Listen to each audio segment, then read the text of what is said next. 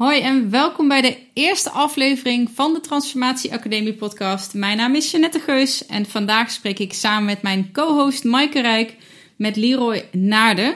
Leroy is eh, coach, ondernemer en spreker en je kent hem waarschijnlijk van Fysiek Fitness, eh, voormalig CrossFit Zuid. En in deze aflevering bespreekt hij hoe mensen van, in zijn ogen van, ja, moeten naar willen kunnen gaan. Uh, je leert onder andere waarom hij stiften laat slingeren voor zijn kinderen, zodat ze op de bank kunnen gaan uh, kleuren. En ook wat de meest vergeten factor in zijn ogen is bij gedragsverandering.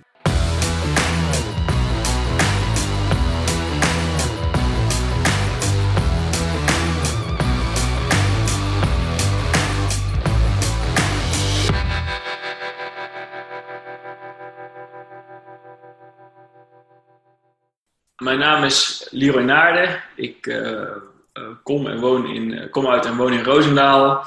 Daar um, ben ik onder andere mede-eigenaar van een fitnesscentrum, Fysiek Fitness, waar ik werk als vitaliteitscoach. En dat betekent zoveel als dat ik mensen probeer te helpen om, om meer uit hun leven te halen, om ze daar tools en handvatten voor te geven. Ik ben getrouwd met Kim. Ik heb twee dochtertjes, uh, eentje van twee, Tatum, eentje van vier, Faya. En uh, zij vormen samen mijn, uh, mijn sprookjesgezin. En um, voor de rest probeer ik mijn dagen zoveel mogelijk te vullen met dingen die ik vooral heel erg leuk vind om te doen. Um, omdat ik dat voor mij ook, dat, dat voor mij ook allemaal de moeite waard maakt. En zo min mogelijk werken, zoveel mogelijk leven. Eigenlijk, daar komt het op neer. En uh, ja, ik heb een standaard vraag die ik aan iedereen uh, stel. Uh, wat betekent transformatie voor jou? Ja, um, transformatie klinkt altijd heel erg extreem, vind ik. Hmm. En op het moment dat je een transformatie doorgaat, dat betekent het eigenlijk automatisch dat je ook op een punt terechtgekomen bent um, waarop het even niet zo goed met je ging, of waarop je waarop, waarbij het tot een situatie heeft laten komen waarin er echt iets groots nodig is. Dus daarom denk ik dat um, transformatie op zichzelf samenhangt met veranderen. En dat, je er, dat verandering goed is en dat je ernaar moet streven om continu te blijven veranderen. Om continu um, ja, een beetje clichématig een betere versie van jezelf te worden. Mm. Um, en dat je daarmee moet voorkomen dat het een grote transformatie is, maar dat je gewoon steeds kijkt naar van nou, hoe kan ik um, uh, de dingen die ik gedaan heb, of de dingen die, die, die me nu tegenstaan, wat kan ik daarvan leren? En wat is het stap, welke, hoe kan ik daar de volgende keer een, een stap in nemen, zodat ik één klein stukje dichterbij kom bij hetgene waar ik wil zijn, in plaats van meteen een mega grote ommezwaai moet worden. Dus in die zin, uh, transformaties zijn soms nodig. Um, maar transformatie, zoals die door de meeste mensen de term gebruikt wordt, denk ik van, oh, volgens mij kan je beter voorkomen dat je een grote transformatie moet maken. En door uh, wat dingetjes in je leven op orde te brengen, waardoor je steeds kleine stappen voorwaarts kan blijven nemen. Nou, als ik het dan even goed samenvat, is het niet zozeer de, de 360 graden switch, maar meer het kleine iteratieve veranderingen en steeds weer voortbouwen op het volgende. Is dat wat je, wat je eigenlijk ja. zegt? Ja, uh, ik vroeg me af waar jouw interesse is ontstaan. Uh, als je het hebt over die transformatie. Want je, je vertelt er echt wel uh, over na. over als je er echt over hebt nagedacht. En dat het al een langdurig thema is in jouw leven. Dus... Um, ja, ik denk dat het deels vanuit mijn eigen achtergrond kom, komt. Omdat ik. Kijk, toen ik, toen ik jong was, toen um, was ik wat te zwaar. En um, ik wilde dus ook veranderen in iemand die niet te zwaar was. Om maar even zo uit te drukken. En um, dat was helemaal niks extreems of zo. Maar dat was voor mij wel een startpunt van iets veranderen aan mezelf. En um, als ik dan een stap voorwaarts neem in de tijd, in de situatie waarin ik nu zie, waarbij ik anderen help, onder andere ook met hetzelfde soort vraagstukken, dan zie ik vaak dat, um, uh, dat, het, dat mensen het vaak heel erg ver laten komen, voordat er daadwerkelijk een knop omgaat dat er iets, dat er iets veranderd moet worden. En dat dat te maken heeft met een, ehm, een soort van alles of niks mentaliteit. Van ehm, eh, het, het niet in de gaten hebben dat je zeg maar afloopt van hetgene waar je heen wil gaan. Totdat, het, totdat je er zo ver vanaf staat dat je denkt dat nu in één keer alles om moet. Mhm. En dat er een grote transformatie moet plaatsvinden om daadwerkelijk weer te worden wie je wilt zijn. Mhm. En ehm, soms is dat zo op het moment dat, dat je op dat punt zit, maar die mindset of die gedachte, die kan, je, die kan er ook voor zorgen dat je heel erg vast komt te zitten. Waardoor je ehm, eh, niet in de gaten hebt dat dat, dat dat hele pad stap voor stap genomen moet worden. En dat het niet één, één grote. Ehm, in, in één keer dat je s'avonds gaat slapen en s'morgens wakker wordt en dat dan alles veranderd is. Ah, super. Ik denk altijd dat hij dat wil, of dat ze dat wil, of dat ze dat willen. Maar dat is, dat, ja, zo werkt het niet, gelukkig. En ehm, die weg die is ook waardevol. Dus um, natuurlijk, um, als je niet tevreden bent over iets, dan, dan, zal je, dan zal daar soms een grote verandering voor nodig zijn. Maar onderschat de kracht van de kleine stapjes niet omdat die uiteindelijk leiden tot de grote verandering of transformatie waar je, uh, waar je, ja, waar je, waar je naar streeft. Ik vind het eigenlijk wel leuk om even, want je, je stipte het kort aan, van, uh, ja, dat jij vroeger ook op een punt hebt gestaan. En ik wilde eigenlijk even wat, uh, wat induiken, als je het goed vindt. Ja. Degenen die dit uh, niet zien, alleen luisteren. Ik moet lachen, niet omdat ik, ik, uh, ik zie Leroy uh, kijken van, oh jee, moeten we die kant op? Maar um, ja, wat is, vroeger hebben we het dan over jou als kind of als tiener of adolescent. En, en ja, wat is jou, jouw weg daarin geweest? En dan gaan we meteen even, ja, kan je ons meenemen in hoe jouw wereld toen eruit zag? Ja, ik, uh, die situatie die ik net omschreef, tot, tot aan mijn 21ste ongeveer. Ik, ik ben op, de, op mijn 21ste ben ik uh, afgestudeerd aan de HTS. Uh, tot aan dat punt um, was ik te zwaar. En, en wat, nogmaals, wat, wat, is te zwaar? Waar hebben we het dan over? Ik denk een, een kilo of tien. Ik denk dat ik nu niet eens heel veel lichter weeg dan dat ik destijds deed. Alleen ja, de, de, de samenstelling is iets anders. Mm. En wetende dat ik bijvoorbeeld op mijn vijftiende, um, uh, ik ben 1,72 meter, 1,73 meter lang. Op mijn vijftiende woog ik ongeveer 3, 84 kilo. Mm Dus um, helaas is het in, in, in, vergelijking met wat je nu ziet, helemaal niet, niet super veel overgewicht, maar wel genoeg om er last van te hebben. Mm Dus um, ik, ik, ik kreeg op mijn vijftiende een vriendinnetje. En um, toen, uh, toen ik dat gemeente kreeg, dacht ik zoiets van wow, dat ik zo zeg maar in het lijf waar ik nu zit en een, een slank vriendinnetje kon krijgen, dat vond ik, uh, ja, daar klapte ik best wel, mezelf best wel aan vast. En um, nou, ik heb uh, zeven jaar verkering gehad met dat meisje, totdat ongeveer, uh, tot mijn 1, 1,22ste ongeveer. Dus tot mhm. dat punt waarop ik klaar was met studeren, moest gaan kijken van nou, wat wil ik nu? Um, we waren eigenlijk bij elkaar uit een soort van gemak, omdat we elkaar tolereerden en gewend waren. waren. En um, op een of andere manier zat in mijn hoofd, er achteraf terugkijkend, altijd wel een, stukje angst misschien, of onzekerheid. Van ja, uh, ik, ik heb nu iemand die, uh, uh, die mij accepteert in mijn, op basis van mijn huidige uiterlijk. En um, nu valt die persoon weg. Dus nu moet ik daar iets mee. En uh, toen ben ik dus uh, gestart met. Uh, ben ik naar de sportschool gegaan. Ben ik gaan kijken naar mijn voeding. En ik heb het type persoonlijkheid die als ik dan. Ja, als ik dat dan interessant vind of de moeite waard vind, dat ik daar helemaal induik. Mm. Dat was dus voor mij ook een, een, startpunt richting de carrière waar ik nu in zit.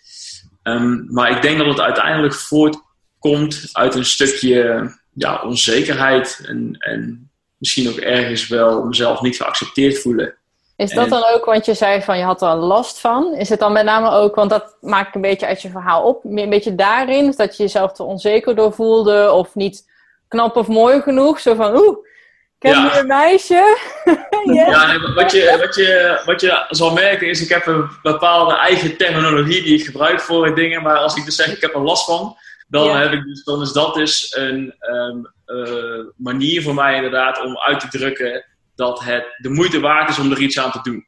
Ja. Dus uh, op het moment dat ik er geen last van heb, dan uh, is het moeilijk om daar een motivatie voor te vinden om te veranderen. En op het moment dat ik er last van heb, en op hoe meer fronten dat ik er last van heb, hoe sterker de motivatie is. Mm -hmm. Dus dat was voor mij inderdaad, um, uh, ik had er zelf last van dat ik het zo zag.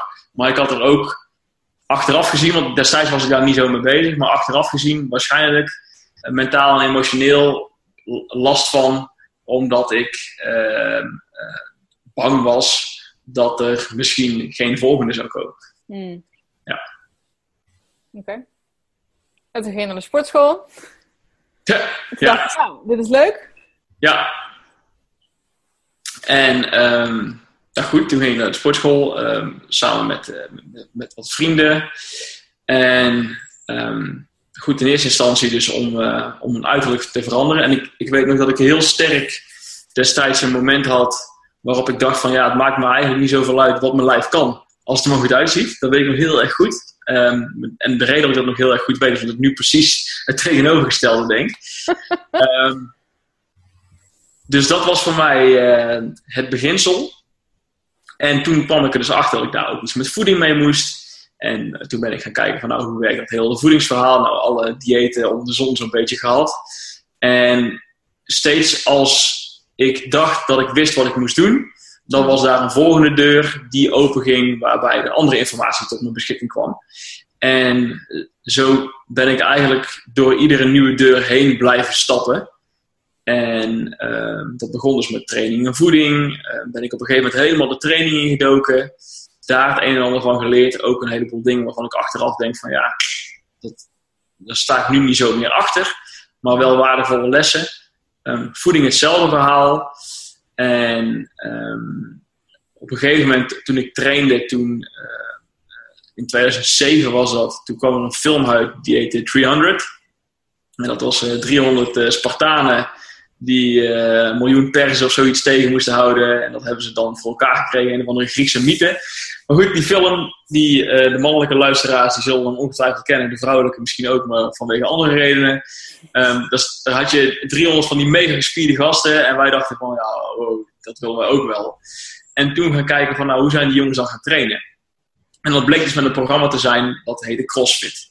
En dat was in 2007 dus. En toen was CrossFit nog niet zo populair. Zeker niet in Europa, was in Amerika zelfs nog niet eens zo populair. En um, ik en mijn broer hebben dat programma toen uh, opgepikt. Gewoon online kon je iedere dag een workout of the day volgen. En um, dat resulteerde op een gegeven moment in dat we ons abonnement bij de sportschool stopzetten. Omdat die manier van trainen destijds gewoon niet, niet uit te voeren was binnen de klassieke fitnesscentra. Hmm. En toen zijn wij thuis gaan trainen. Toen hebben we de achtertuin van onze ouders omgebouwd tot uh, ons eigen fitnessdomein. Dat hebben we vijf jaar gedaan. En die vijf jaar die, gingen eigenlijk gepaard met steeds meer leren over bewegen, training, een stukje voeding ook. Met name om onszelf beter te maken. Op een gegeven moment gingen, werden daar wedstrijden in georganiseerd. Ehm, ook in Nederland. En bleek toen wij aan die wedstrijden meededen, omdat we al wat jaren ervaring uh, achter de rug hadden, dat we daar best wel goed in presteerden in die tijdsgeest. Um, Hmm. uh, toen in 2012 besloten om zelf een box te openen, omdat we zagen van in Nederland werden er steeds meer CrossFit boxen geopend. En um, ja, door mensen die veel minder ervaring met die vorm van fitness hadden dan wij. Dus we hadden zoiets van, nou, dit zou wel eens wat kunnen zijn. In Amerika was het destijds al min of meer ontploft. Dus toen, ja, toen, toen schoten ze als paddenstoelen uit de grond. Dus ook wel een klein beetje met een uh, commerciële gedachte besloten we toen om uh, onze gym te openen, CrossFit Zuid. En um, ook, ook sinds die opening daarvan is één grote reis met leermomenten geweest.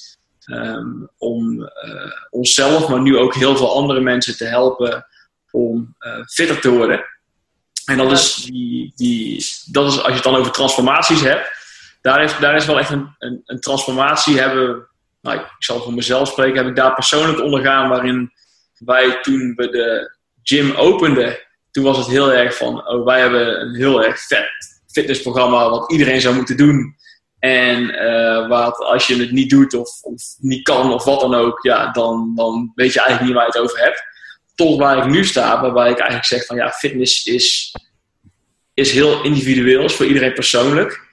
En wij hebben een programma wat daarin een middel kan zijn om jouw doel te bereiken. En het programma is geen doel meer op zichzelf. Nee. En um, uh, ja, goed, dat is dus 2012 dat we die box openen. Nou, nu zijn we bijna zes jaar verder.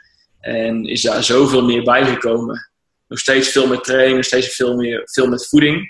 Maar um, de hoofdmoot nu is eigenlijk gedrag. Omdat gedrag uiteindelijk bepaalt welke keuzes je neemt. En je keuzes bepalen hoe dat je leven eruit ziet. Hmm. Dus dat is uh, een hele mooie en waardevolle reis geweest. En dat is het eigenlijk nog steeds. Ik vind het eigenlijk wel even eh, leuk om echt naar die reis zelf te kijken. Want uh, uh, ja, eerst jouw eigen stap. Je, je zegt het heel makkelijk van nou, het ging uit. eigenlijk vond je jezelf ja, niet echt een vriendinnetje waardig, zeg je min of meer. Ja. Ehm, en dan, dan die stap te zetten van ik ga er wat aan doen. niet te blijven hangen in, in de modus van ja, ik vind mezelf niet goed genoeg of niemand wil mij. Of, uh, of laat ik maar vooral beide blijven, want ja, weet ik niet wat ik heb. Hè? Ja, ik kan prachtig vasthouden aan, aan wat er nu is. Dat is best wel een bepaalde mindset. Uh, ja. Had jij die van nature? Of want, dat is best wel een groot verschil van... hey, ik ben blij dat ik iemand heb, want ik vind mezelf eigenlijk niet uh, uh, mooi genoeg. Ja. Uh, naar, weet je, fuck it, pak de koe bij de horens en ik ga, ja. duik er vol in in dat hele trainings- en voedingverhaal. Hoe is dat, hoe, wat, neem ons eens mee, wat is daarin gebeurd? Hoe ging dat? Nou, ik kan niet zeggen dat daar een, een specifiek iets is waarvan ik zag waar ik in eerste instantie bij de pakken neer ging zitten of zo. En uh, daarna in één keer dacht van ja, nu moet alles anders. Uh, zo is het ook helemaal niet gegaan. Kijk, als je zeven jaar uh, relatie met iemand gehad hebt, dan ben je natuurlijk verdrietig op het moment dat het over is. Um, alleen, ik kon dat wel vrij snel rationaliseren. Van ja, erop terugkijken was het op een gegeven moment ook gewoon zo dat we de laatste jaren zelfs Hmm. Ehm, met name gewoon uit gemak bij elkaar bleven, omdat het altijd al zo was en omdat we niet beter wisten. Dus um, ik ben daar verdrietig om geweest, maar bij allebei overigens um, konden, heel erg goed, konden dat heel erg goed voor onszelf een plek geven. Als je dan kijkt naar het vervolgens uh, doorpakken, ik heb daar wel over nagedacht. Aan de ene kant denk ik wel dat ik een bepaald soort discipline heb die, die me misschien wat makkelijker afgaat dan dat, dat bij anderen zo is. Ehm, wat ik inmiddels weet, of denk te weten, is dat het gezin waar ik in opgegroeid ben, daar een hele grote bijdrage aan geleverd eh, heeft. Hmm. Mijn ouders die, ehm, hebben er eigenlijk altijd voor gezorgd dat wij uh, konden krijgen en konden doen wat we wilden doen. En daarmee niet dat we verwend waren of zo. Maar ik heb nooit iets gemerkt van dat, we, dat, er, dat er überhaupt maar sprake van was dat we iets te kort zouden komen. En um, het opgroeien in die omgeving maakte dat er heel veel mogelijkheden voor ons waren. En op het moment dat die mogelijkheden er zijn, denk ik dat het makkelijker is om um, uh, om, om je eigen leven, om de controle over je eigen leven te pakken. Omdat je niet een stuk bagage meedraagt. En um, ik, ik, ik, je, vind ook niet dat, dat je het als excuus moet gebruiken op het moment dat je die achtergrond niet hebt. Maar ik, ik realiseer me wel heel erg goed dat het feit dat wij niet opgegroeid zijn in schaarste, dat dat eraan bijgedragen heeft dat ik en ook mijn broer wel een mindset hebben kunnen ontwikkelen waarmee we denken in groei en denken in kansen. En niet zozeer bezig zijn met, uh, oh, wat vervelend, en te veel, te veel met het verleden bezig zijn. Hmm. En um, ik denk dat die combinatie met, ja, misschien toch wel van nature wat meer discipline. Ik heb ook het geluk dat ik, ja, mijn verstand wel een beetje mee heb. Ehm, ja, dat maakt wel dat ik daar niet heel erg lang bij stil heb hoeven staan om vervolgens uh, de volgende actie te ondernemen. Ja. Een leuk bruggetje, want je begint zelf al over je, over je jeugd. Uh, had jij als kind een bepaalde jeugdheld of een voorbeeld? Ik heb erover nagedacht. en ik, ik, kan, ik kon niet direct een voorbeeld noemen. Ik, wil, ik weet wel dat ik altijd ninja wilde worden. en nou kan ik niet zeggen dat er dat bepaald... Eh, ja, goed, ninjas zijn onbekend, hè. Er zijn uh, sluipmoordenaars, dus... Maar dat, dat, als je aan mij vraagt van nou is er iets wat je vroeger altijd al wilde worden of wat een terugkerend thema was, dan was het toch wel een ninja, denk ik. Ehm, maar echt een held? Nee. Nee. Niet één specifiek persoon. En ik weet uh, toevallig, van ik ken, ik ken je natuurlijk al wat langer, dat je ook, uh, ja, we lezen veel dezelfde boeken, we zitten ook veel in dezelfde uh, mindset hoek. Ja. Of weet jij anders nog een van de eerste boeken bijvoorbeeld rondom dit thema, of een van de eerste lessen of inzichten die je, die je op hebt gedaan? Want je hebt het over het verschil tussen schaarste en overvloed. Ja, dat is niet iets waar je als kind natuurlijk van bewust bent. Nee, nee, daar... natuurlijk wel. Um, ja, misschien is het leuk om daar wel eventjes uh, in te duiken in je, ja, wat, waar voed jij je brein mee in dat op, opzicht? Ja. Um, nou, ik lees best wel veel. Lang, nu lang niet zoveel meer als dat ik uh, een tijdje geleden gedaan heb. Um, als ik dan, als ik dan het eerste het eerste moment waarop ik me bewust van werd wat ik eigenlijk al die afgelopen jaren gedaan heb, was toen ik een interview hoorde op een podcast van London Real met Ty Lopez. En destijds, nu is Ty Lopez voor degenen die een beetje in die hoek zitten, uh, ja, best wel bekend. Um, destijds was hij nog niet zo bekend en hij inspireerde mij heel erg doordat hij zei van op het moment dat je boeken leest, Daarmee heb je eigenlijk een unieke kans om een heleboel kennis en ervaring van iemand anders te uploaden in je eigen brein. En daarmee dus een soort van shortcut te creëren tot, um, tot, tot zijn of haar kennis en ervaring. En um, toen, hij dat, toen hij dat vertelde, toen, toen ben ik lezen, of leren, is misschien beter gezegd, ook daadwerkelijk op die manier uh, gaan interpreteren. En dat maakt het ook in één keer een stuk makkelijker om een bepaalde interesse, of gewoon interesse in van alles en nog wat te hebben. Omdat je weet dat je bezig bent om kennis en informatie in je brein te uploaden, als het ware. Um, dus dat was voor mij een heel, du duidelijk, uh, um, geen kantelpunt, maar het was wel een inzicht. En dat is denk ik vier of vijf jaar geleden. Um, en als ik dan kijk, nou, wat zijn dan momenten geweest of, of boeken of leermomenten die mij echt een, uh, een, inzichten gegeven hebben. Tegenwoordig word je doodgegooid met um, uh, op zoek naar je why, van Start with Why van Simon Sinek. Ik heb dat boek gelezen toen het net uitkwam. En um, dat, boek, dat boek was voor mij een eerste kantelpunt. En niet vanwege het feit dat ik vind of vond dat iedereen in één keer op zoek moest gaan naar zijn why.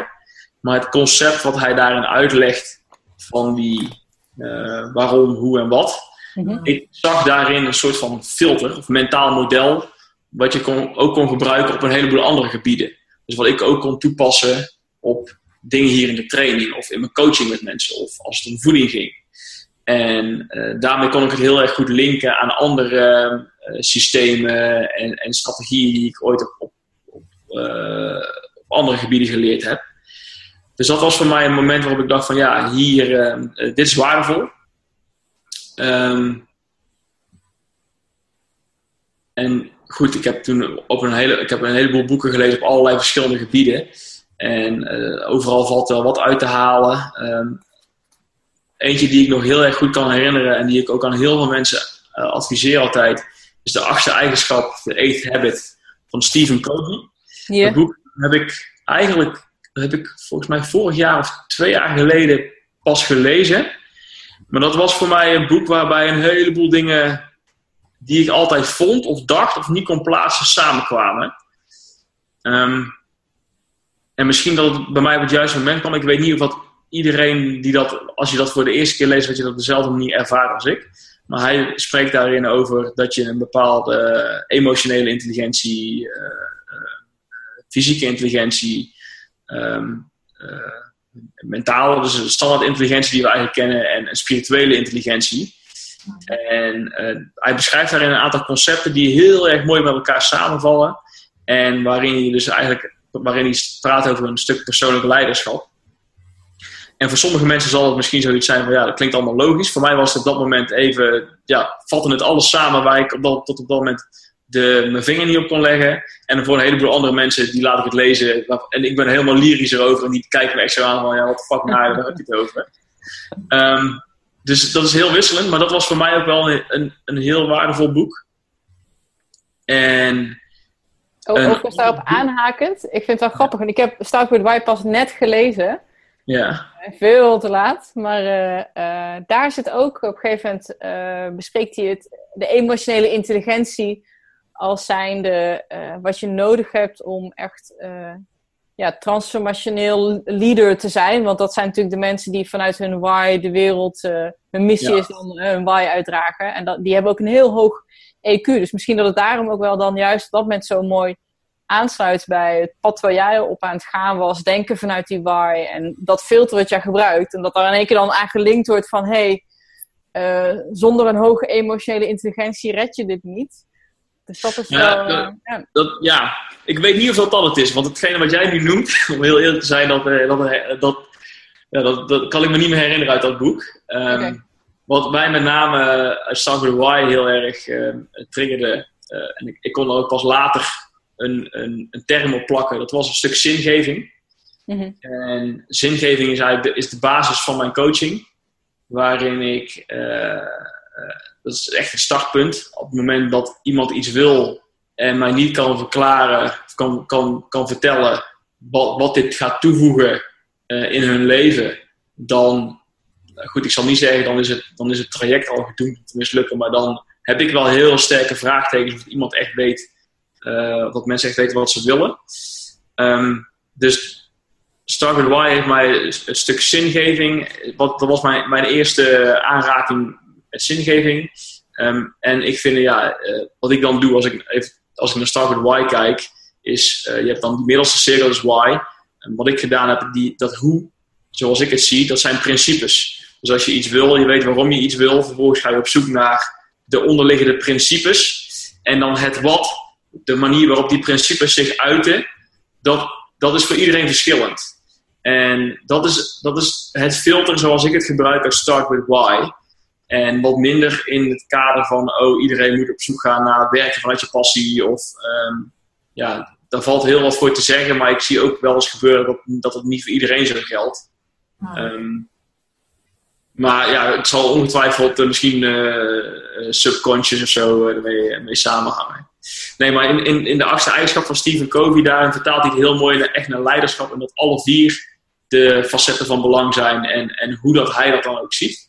En ja, ik vond dat, ik vond dat voor mij persoonlijk dan, ik vond dat een hele, voor mij was het echt een, kwam wel het boek op het juiste moment. Het verklaarde voor mij een heleboel dingen die ik altijd dacht, maar die ik nooit kon verwoorden.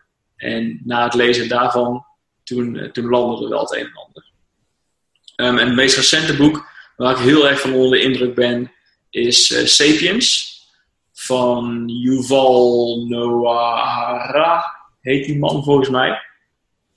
Dat is een historicus. Een, uh, Japanse? Nee, volgens mij, ja, ik weet het niet. Ik, oh, maar niet, oké. Okay. Ik ga hem opzoeken. Ik ben allemaal uh, ergens uit Israël, maar ik okay. vind me daar niet op vast. Nee, en um, dat boek van hem, dat beschrijft, hij is een historicus en hij beschrijft um, um, de historie van de mens. En ook ik lees daar tussen de regels heel erg door welke superkracht ons brein ons daarin uh, gegeven heeft. En ik ben iemand die heel erg in zijn hoofd leeft. Dus misschien dat het mij daarom heel erg aanspreekt. Um, maar als je dan ziet, uh, ja, ja, wat voor een geweldige machine wij uh, tussen onze oren hebben zitten. Hè? dan denk ik van ja, dat is, aan de ene kant is het geweldig. Hij, hij blijkt ook heel dodelijk te zijn. Als je het boek gelezen hebt, dan weet je waarom. Maar um, ja, dat is voor mij wel, ook als ik kijk van hoe dat ik, ik relateer alles aan, hoe kan ik dan met, met mensen die ik daarmee coach of waar ik les aan geef, wat, wat hebben zij daar dan aan? Uh, dan kan ik daar heel sterk ook weer dingen uithalen die mij tools en handvatten geven om anderen te helpen. Um, dus dat is ook absoluut een aanrader. Kan, kan je daar ook een concreet voorbeeld, want het klinkt heel mooi, hè? Onze, onze brein is onze ja. uh, um, mooie machine, maar ik heb een voorbeeld en hoe pas je dat dan toe?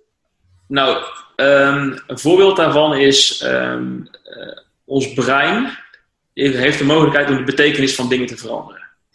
En voor zover dat de wetenschap nu kan beoordelen, is dat iets dat wat ons brein uniek maakt. Dus um, het feit dat wij kunnen lezen en schrijven, danken wij aan um, dat ons brein de betekenis van een streepje kan veranderen in de letter L of de letter I of het cijfer 1. Ja. Um, voor, ja dus, dus dat is iets wat, wat andere dieren waarschijnlijk niet kunnen. En dat heeft ons onder andere in staat gesteld om, uh, om onszelf te ontwikkelen tot, uh, tot de dominante soort op aarde. En het veranderen van de betekenis, als je kijkt naar iemand die stress heeft bijvoorbeeld, dan ziet die persoon vaak maar één betekenis van een bepaalde situatie. En die is niet in staat om die situatie van een andere kant te bekijken. En als ik dan teruggrijp naar wat ik net zei, van nou, ik ben mijn ouders dankbaar dat wij zijn opgegroeid in, uh, dat we in ieder geval niet zijn opgegroeid in schaarste. Hmm. Van schaarste is bekend dat zodra je schaarste ervaart, dan uh, vernauwt je focus en kom je als het ware in een soort van tunnel terecht, waardoor je keuzes maakt die op dat moment voor jou logisch zijn, maar die uh, vanaf de zijlijn eigenlijk heel erg onlogisch zijn. En dat heeft dus te, te, maken met het kunnen veranderen van de betekenis van iets. Dus als je dan kijkt dat ons brein, dat dat een uniek, unieke eigenschap is van ons brein. En ik als coach kan helpen om de betekenis van situaties die mensen hebben, mensen ervaren, te veranderen ja, dan vind ik dat best wel waardevol. Je geeft ze een nieuw perspectief, om mij even zo te schetsen. Sorry? Je geeft ze een nieuw perspectief. Ja, ja. Wat is de uitwerking daarop, dat je merkt? Um, het, is, het is meestal een, gewoon een aha-momentje. En dan um, uh, heel erg vaak als ik het dan naar een, een coachingssituatie uh, betrek, dan, dan zien mensen vaak niet wat ze al bereikt hebben. Dus als ik het heb dan over die, die transformatie, iedereen is altijd op zoek naar die ene grote stap die heel erg veel resultaat gaat opleveren. En is daarom niet in staat om te zien naar wat al die kleine stapjes tot aan dan toe bereikt hebben.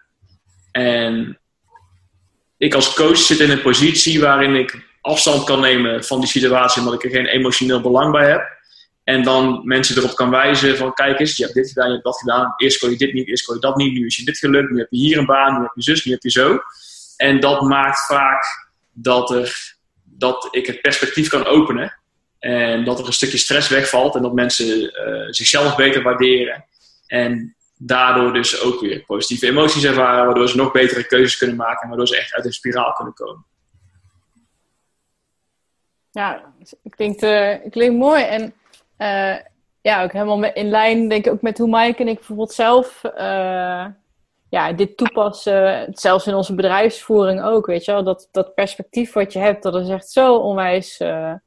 dat, dat daarmee valt of staat het, het wat je ook doet. Dus dat is ja, mooi dat je dat ook zo, uh, zo benadert. Ik ken het boek trouwens niet. Ik ga het... Uh... Ja, hij heeft inmiddels ook een opvolger. Maar die oh, mag ik nog niet kopen, want ik heb nog een paar boeken liggen die ik moet lezen voordat ik een nieuw boek mag kopen. Yeah. Maar uh, de absolute aanrader, zeker te weten. Um, als we kijken naar, naar jou als persoon, um, heb jij een idee? Ja, goed, we hebben natuurlijk allemaal schaduwkanten. We hebben allemaal uh, trekjes van onszelf die we minder mooi vinden of uh, waar we moeten werken. uh, die heb ik niet. Die heb jij niet. Nee. Zij die al evil lachend vooral. Ja. Wow. I'm perfect. Ehm, als je daarnaar kijkt, kan je, hoe, hoe neem je die mee in het verhaal? En ehm, kan je die ook inzetten juist op een positieve manier bijvoorbeeld? Wat, Ja. wat, zijn, jou, wat zijn jouw schaduwkanten, Leroy? Ehm, mijn schaduwkanten zijn. ehm, nou, ik zal dan, waar ik zelf het meeste last van heb, is. Ik, noemde het al eerder, ik, zit, ik leef best wel in mijn hoofd. En dat betekent tegelijkertijd dat ik, ehm, als je het hebt gewoon over sociaal zijn, ik ben heel erg sociaal. Alleen, ik ben op mijn best als ik met, met een bepaald onderwerp de diepte in kan gaan. En als je het dan hebt over small talk en zo, Mhm. dan moet ik echt moeite doen om, om oppervlakkige gesprekken te voeren, gewoon om een gesprek te kunnen voeren. En dat is niet omdat ik het niet wil, maar dat is gewoon omdat ik dan geen, niet weet te bedenken wat ik dan moet zeggen. Hm. Ehm, terwijl als ik kan aanhaken op iets waar bij de diepte ingegaan wordt, dan, ehm, ja, goed, dan, dan, dan bloei ik op. Ehm, maar gewoon zeg maar eh, bij de bakker in de rij eh, met, met, Jan en, met Jan allemaal een praatje houden, eh, dat is echt, dat vind ik echt heel moeilijk. Dus, ehm, en, en op het moment dat mensen met mij een gesprek aanknopen, dan bloedt het dan ook al vrij snel dood. Omdat ik dan, ja, ik, ik weet dan niet meer wat ik daarna moet zeggen. Dus dat- misschien is dat dan, ja, ik vind dat zelf de grootste schaduwkant. Dat vind ik wel de reden dat Ik wij het, vind ik wel de reden dat wij het met z'n drieën wel goed met elkaar kunnen vinden ook. Volgens mij hebben we zowel Michael als ik, als jij daar, eh, daar last van. Een soort van... eh, En Mike en ik hebben ook eh, sociale afspraken gemaakt, gewoon zodat het voor ons allebei duidelijk is. Oh, vertel. Elkaar groeten. Dus dat is, ook- dat is wel een voorbeeld daarvan. Vertel. Nou, we zitten natuurlijk samen in een mastermind. En, of op andere momenten dat we elkaar zien. Het is altijd, altijd zo het moment van, oké, wordt het drie zoenen? Wordt het een omhelzing? Wordt het dan eerst links of rechts? Of dat? Ja, ja, ja, ja. Ja. Want dan krijg je zo'n twee van dat soort aftasters van, oh, en wat vind jij ook prettig? En dan en zo, oh, oh, oh, oh, oh. Soort we, we accepteren het van elkaar nu. Dus dat, eh, dat maakt het al een stuk minder awkward. En je weet ook van elkaar dat je niet moet beginnen over het weer en wat mensen het weekend hebben gedaan of hoe het met je oma ging. Dat is gewoon. eh, Nou, dat is, dat, dat is aan mij echt niet besteed, eh, dat soort dingen. Ik merk het overigens ook als ik nu kijk naar mijn dochter. Ehm, een van de dingen die ik bijvoorbeeld ook moeilijk vind, is eh, als ik ergens ben, om iedereen te groeten voordat ik naar weg ga. En dat heeft niks te maken met onbeleefd zijn, maar dat heeft echt alles te maken met dat ik dat op een of andere manier moeilijk vind. En ik zie ook mijn dochter, als ze nu eh, bijvoorbeeld gespeeld heeft met haar vriendinnetjes, ehm, dan, en, en ze gaat weg, dan loopt ze ook gewoon weg zonder gedag te zeggen. En dat is niet omdat ze dat niet wil, maar gewoon omdat ze merkt dat ze dat moeilijk vindt om, eh, om dat in te kleden. En ja, ik heb dus hetzelfde. Ik heb liever zoiets van, ik verdwijn stiekem langs een achterdeur, als dat ik iedereen afga, handje geef, eh, kusje, schouderklopje, omhelzing. Ja dat, ja, dat vind ik gewoon lastig. Hoe ga je daar nu mee om? Hè? Want wat ik zei, ik herken natuurlijk bepaalde aspecten eh, daarvan. En, maar je hebt natuurlijk altijd enerzijds te maken met... eh, wat je zei, ik ben wel een sociaal persoon, hè? dus je connect wel graag met mensen. Maar enerzijds is dat je eh, dat stukje een plek geeft, maar dat je ook erkenning geeft aan eh, dat andere. Of dat je jezelf af en toe wel een beetje uitdaagt daarin. Hoe werkt dat voor jou? Ja, ik denk dat ik daarin heel egoïstisch ben. Ehm, dat ik op het moment dat ik denk dat het voor mij of de ander de moeite waard is dat ik het hele ritueeltje doe, dan doe ik het. Op het moment dat ik ergens ben waarvan ik denk van ja, niemand wordt er beter van als ik nu eh, iedereen uitgebreid ga groeten, dan tegen ik hem gewoon langs de achterdeur. ja, dat is echt zo. En eh, ik, ben, ik, ben, ik, ik, ik, ik heb er ook wel een bepaalde berusting in. Dat ik denk van als het moet, dan kan ik het. Maar ik wil het ook alleen maar doen als ik het zelf, als ik het wil. En niet zozeer omdat het een sociale verplichting is. Want dan, ja, dan, dan heb ik zoiets, ehm, het, dan hoeft het voor mij niet. En ehm, als ik het eh, op het moment dat ik het wil doen en dat, het, dat ik denk van ja, de situatie die is nu zo dat het zo hoort, dan doe ik het ook absoluut en dan heb ik er ook echt helemaal geen moeite mee.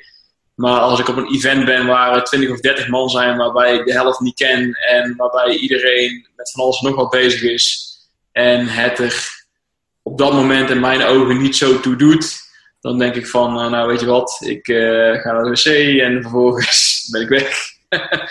dus als het ooit gebeurd is, neem het niet kwalijk. ja, bij deze excuses aan alle bij, mensen. Bij deze excuses. Aan iedereen die ooit heeft gedacht dat Leroy een, uh, een asociale... ja. Maar echt heel grappig. Ik ben wel asociaal, maar niet asociaal. Ja, precies. Ik doe het nog steeds ook hoor, op, uh, vooral op feestjes en helemaal als het uh, donker of avond is, dan uh, je voelt je ook bijna een beetje schuldig. Want dan gaan mensen gaan, joh, blijf nog even, of waarom ja. ga je nou? Je mag vijf keer hetzelfde verhaal vertellen. Dat, ik ben ook altijd degene die backing away slowly. En die zich ja. uit zo'n situatie murmt. Ja, ja, ja. En, dat iedereen dan denkt, waar was je net? En dan lig ik al twee uur in mijn bed of zo. dat lijkt zo, ja. Ja. ja, zo ben ik trouwens wel een keer, uh, schiet me ineens te binnen, als kind een keer alleen achtergelaten ook. We hadden een heel groot familie-uitje, uh, ding. En de hele familie had zich verzameld bij mijn oom en tante in Duitsland. En ik was, uh, ik weet niet hoe oud ik was. Nou, ergens tussen 6 en 10. Dat is natuurlijk heel breed, maar ergens in die range. Kan niet precies... en dan, weet je, dan trek je daar ook even een beetje uit terug. Van, nou, laten we allemaal drukte, we gaan zo meteen wel. En uh, toen zijn dus twee auto's vol, of drie auto's vol met mensen vertrokken van... Uh, zit ze net bij jullie? Nee, oh, die zou vast daar zitten. Oh, die zou vast in die auto zitten. Dat is natuurlijk voor het mobiele telefoon tijdperk. En, dat was zo'n halve frietje. Ja, en toen werd het in één keer was het stil in huis. Denk ik, hé, hey, waar is iedereen? letterlijk, letterlijk de auto gewoon, auto's gewoon de straat uit zag rijden. En dan zo erachteraan als waaiend van, hé, hey, wacht op mij. Nou, dan je wereld stort natuurlijk in als kind. Kom, misschien uh, is dat daar ooit wel uh, ook in gestoeld. Die manier voor mij om weg te gaan. Ja, nou goed, laat me dan. Ja. Dat is niet belangrijk. ja, ja. Ik moest er ineens aan denken. Hey, wat is... Um, um, um, wat is de grootste, ja, ik wil zeggen fout, maar misschien kan ik beter zeggen leermoment. Want uh, ja, wij, wij, staan dan allemaal een beetje hetzelfde in. Hè? De, als je kijkt ook dat, uh, uh, volgens mij heb jij me er zelfs op gewezen, the obstacle is the way. Um, ja. Om zo in het leven te staan, joh, weet je wel, de, de obstakels die je tegenkomt, die zijn er niet om jou naar beneden te halen, maar goed, dan moet je doorheen, overheen en niet uh, langsaf of jezelf door laten stoppen. Um, dus het zijn geen fouten, het zijn leermomenten. Ja. Momenten. Wat is jouw grootste groeimoment geweest? Of, of leermoment tot nu toe? Of Um, ja, ik heb, ik heb erover nagedacht. Maar bedoel je daarmee momenten waar ik achteraf spijt van heb?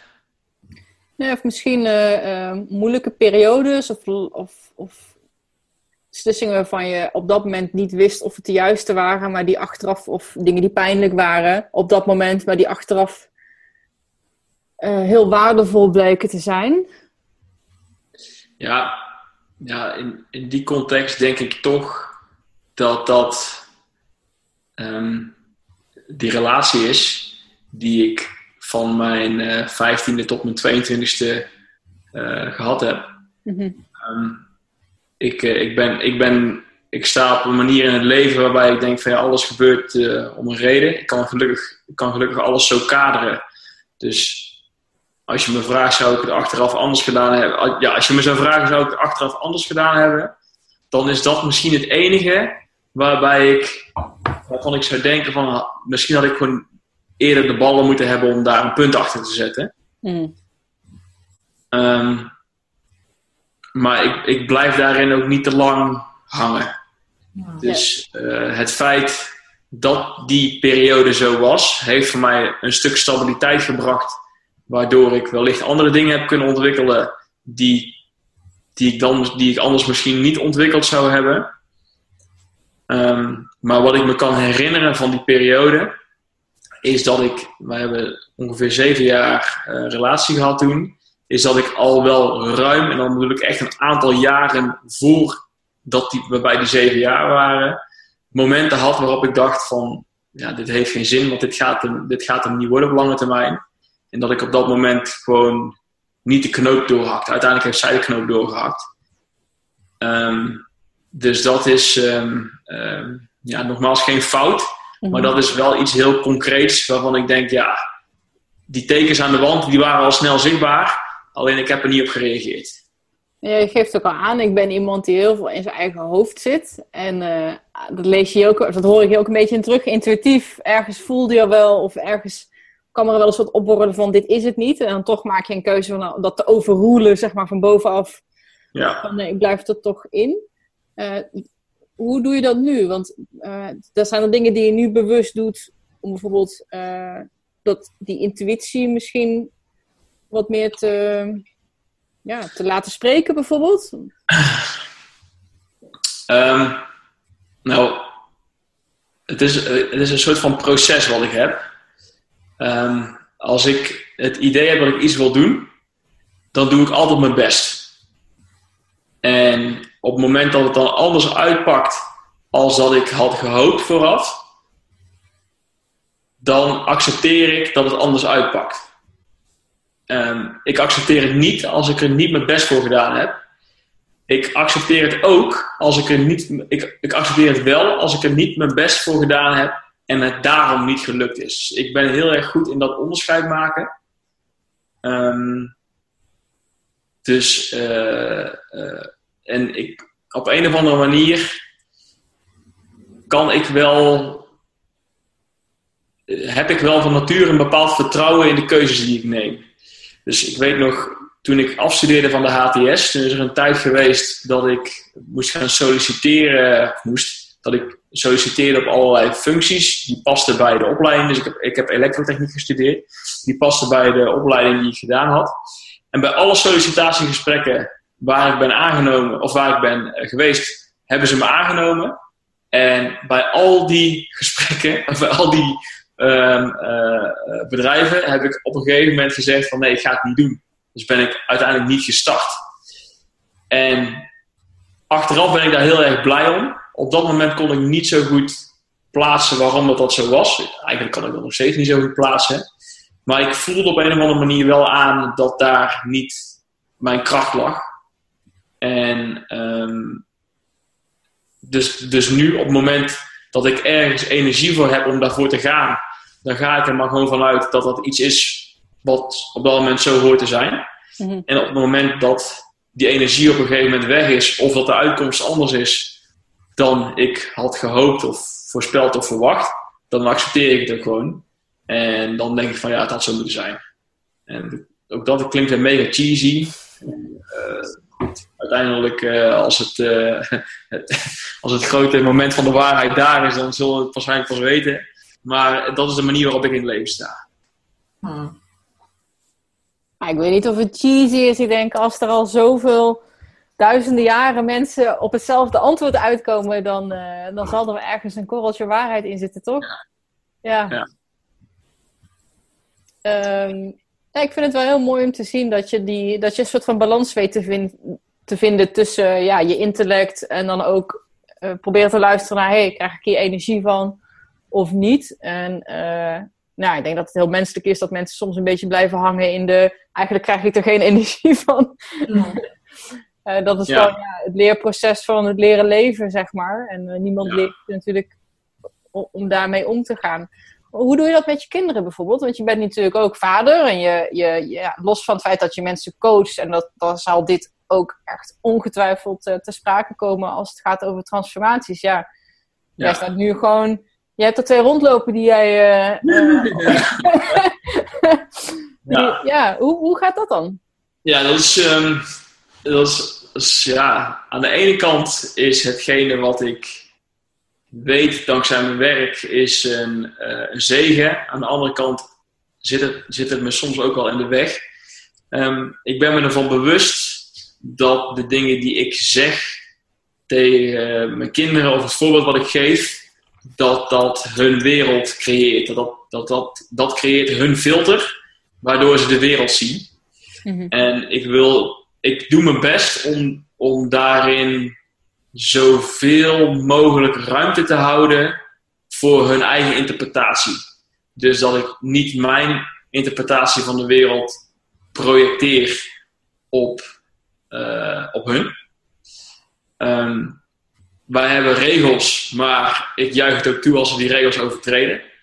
Omdat zij dan eh, leren eh, tussen het gevolg, eh, gevolg-oorzaak, of veroorzaak, oorzaak-gevolg, keuze-consequentie, wat is het? Keuze-consequentie.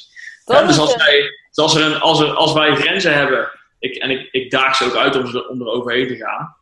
Maar ehm, ik, ik leer ze, ik probeer ze mee te geven dat er grenzen zijn, maar dat, er dat ze niks zomaar voor waar moeten aannemen. En dat is super moeilijk. Ehm, want sommige van die grenzen die stellen wij. En ik wil dus dat ze er overheen gaan, zodat ze mij uitdagen, mijn, mijn beeld van de wereld uitdagen. Ehm, en zodat ze leren dat, dat bepaalde keuzes ook bepaalde consequenties hebben. Ehm, maar ook ik heb gewoon natuurlijk momenten waarop mijn bandbreedte een beetje minder is. En waardoor ik soms te snel iets zeg of doe waarmee ik denk, achteraf denk van kak, dat, ja, ik hoop niet dat dat een blijvende impressie in, eh, in hun wereld heeft achtergelaten. En dan, voor zover ik dat kan, probeer ik dat altijd nog wel met ze te bespreken. Maar het is wel, eh, wel lastig. Ik probeer ze in ieder geval zoveel mogelijk hun eigen filter te laten ontwikkelen in plaats van dat ze mijn filter gebruiken. Geef eens een voorbeeld van zo'n, van zo'n grens. Hm. En, en, want het, het zijn wel twee hele bijzondere rollen die jij in één persoon dan eh vertegenwoordigt. Want je bent en degene zegt die zegt, hier is, heb je een harde grens. Wat de maatschappij straks ook gaat doen. En vriendjes en vriendjes en leraren en iedereen die ze ooit in hun leven nog tegenkomen. Die gaan allemaal aangeven, hier heb je een grens. Ja, Je bent tegelijkertijd ook de persoon die zegt van, joh, ga het eens aftasten. Ga eens kijken wat er gebeurt als je er overheen stapt. Dat lijkt me wel een, spanningsveld. Ook vooral Ja. voor jou intern en misschien ook wel voor je kinderen. Van, Ja. joh, ja, maar hij zegt dat het niet mag. Maar aan de andere kant staat hij wel van, ja, ga maar kijken. Nou, ik, ik, zal, eh, ik zal twee voorbeelden geven. Eh, eentje die direct, ehm, eh, die direct binnen ons huishouden plaatsvindt en eentje die er buiten plaatsvindt. Ik hoop niet dat mijn vrouw luistert, want dan krijg ik echt een flikker. Ehm de kleinste van ons die heeft nu wel eens de neiging om als er ergens een stift rondzwerft om daarmee op van alles nog wat te gaan tekenen, behalve op papier. Ehm, dus eh, ja, we proberen ook zo min mogelijk stiften rond te laten zwerven in huis. Aan de andere kant, ik laat er ook wel gewoon eens expres ergens eentje liggen, omdat ik weet dat ze dan op de nieuwe bank gaat tekenen en dat ze dan op de donder gaat krijgen. En ik st- stiekem ergens, nou, ik, ik zal niet zeggen dat ik hoop dat ze het doet, maar ik denk wel van wat gaat ze nou doen als ik die stift daar laat liggen. Dus dat is eigenlijk een heel klein voorbeeldje van ehm, waarbij ik eigenlijk, ja, die bank kan mij uiteindelijk niet zo heel veel schelen, maar het is een nieuwe bank en ze hoort er gewoon niet op te tekenen, punt. En toch doet ze het en ze weet dat ze het niet mag. En dan kijkt ze je aan, dan loopt ze naar die bank toe en dan tekent ze erop. En daarna rest ze kaart weg en dan krijgt ze het donder. Eh, maar dat is zo'n voorbeeld waarbij ik er uitdaag, waarbij ik dus een, een soort van intern conflict heb.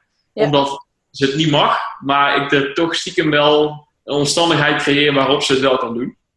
Een ander voorbeeld wat ik zo snel kan bedenken is, eh, ze zitten allebei op, ehm, eh, op donderdag en vrijdag gaan ze naar de BSO, de buitenschoolse opvang. En de kinderen daar, die mogen niet rennen in de gang.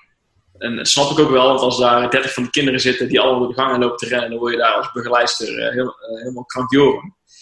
En eh, toch zeg ik altijd tegen mijn dochters dat ze dan niet naar de juffrouw moeten luisteren. Als ze willen rennen, dat ze gewoon moeten rennen. Ja, jij hoopt ook dat de juffrouw niet luistert, eh begrijp ik ja, aan? dat hoop ik ook. Sorry, juffrouw. nee, dus, maar dat zijn wel dingen waarbij ik ze stimuleer om gewoon eh, om, om de gevestigde orde uit te dagen. En om niet gewoon als makke schapen altijd te volgen. Hmm. En voor zichzelf de afweging te maken van ja, welk gedrag vind ik nu gepast. En eh, welk gedrag je ook kiest, dat zij ervoor kiezen. En dat ze dus ook vervolgens weer accepteren dat dat een gevolg kan, of een consequentie kan hebben. Ehm, dus dat, dat probeer ik ze wel mee te geven. Ja. Ik zag jou ook lachen, Maaike. Want volgens mij eh, eh, triggerde het bij jou ook wel iets, of niet? Is dat eh, iets wat jij ook uit je jeugd kent, of niet? Dat die grenzen eh, willen, willen opzoeken? Ja. Ja, maar ik had van Ja, op die manier eh, stimuleren. Ja, mijn ouders deden dat niet bewust. Ik, ik heb heel, persoonlijk heel veel grenzen eh, overschreden, maar dat, dat is een, eh, een, eh, een podcast aan zich. Eh, maar hoe, ging, hoe ging dat bij jou? Bij mij? Ja, ja.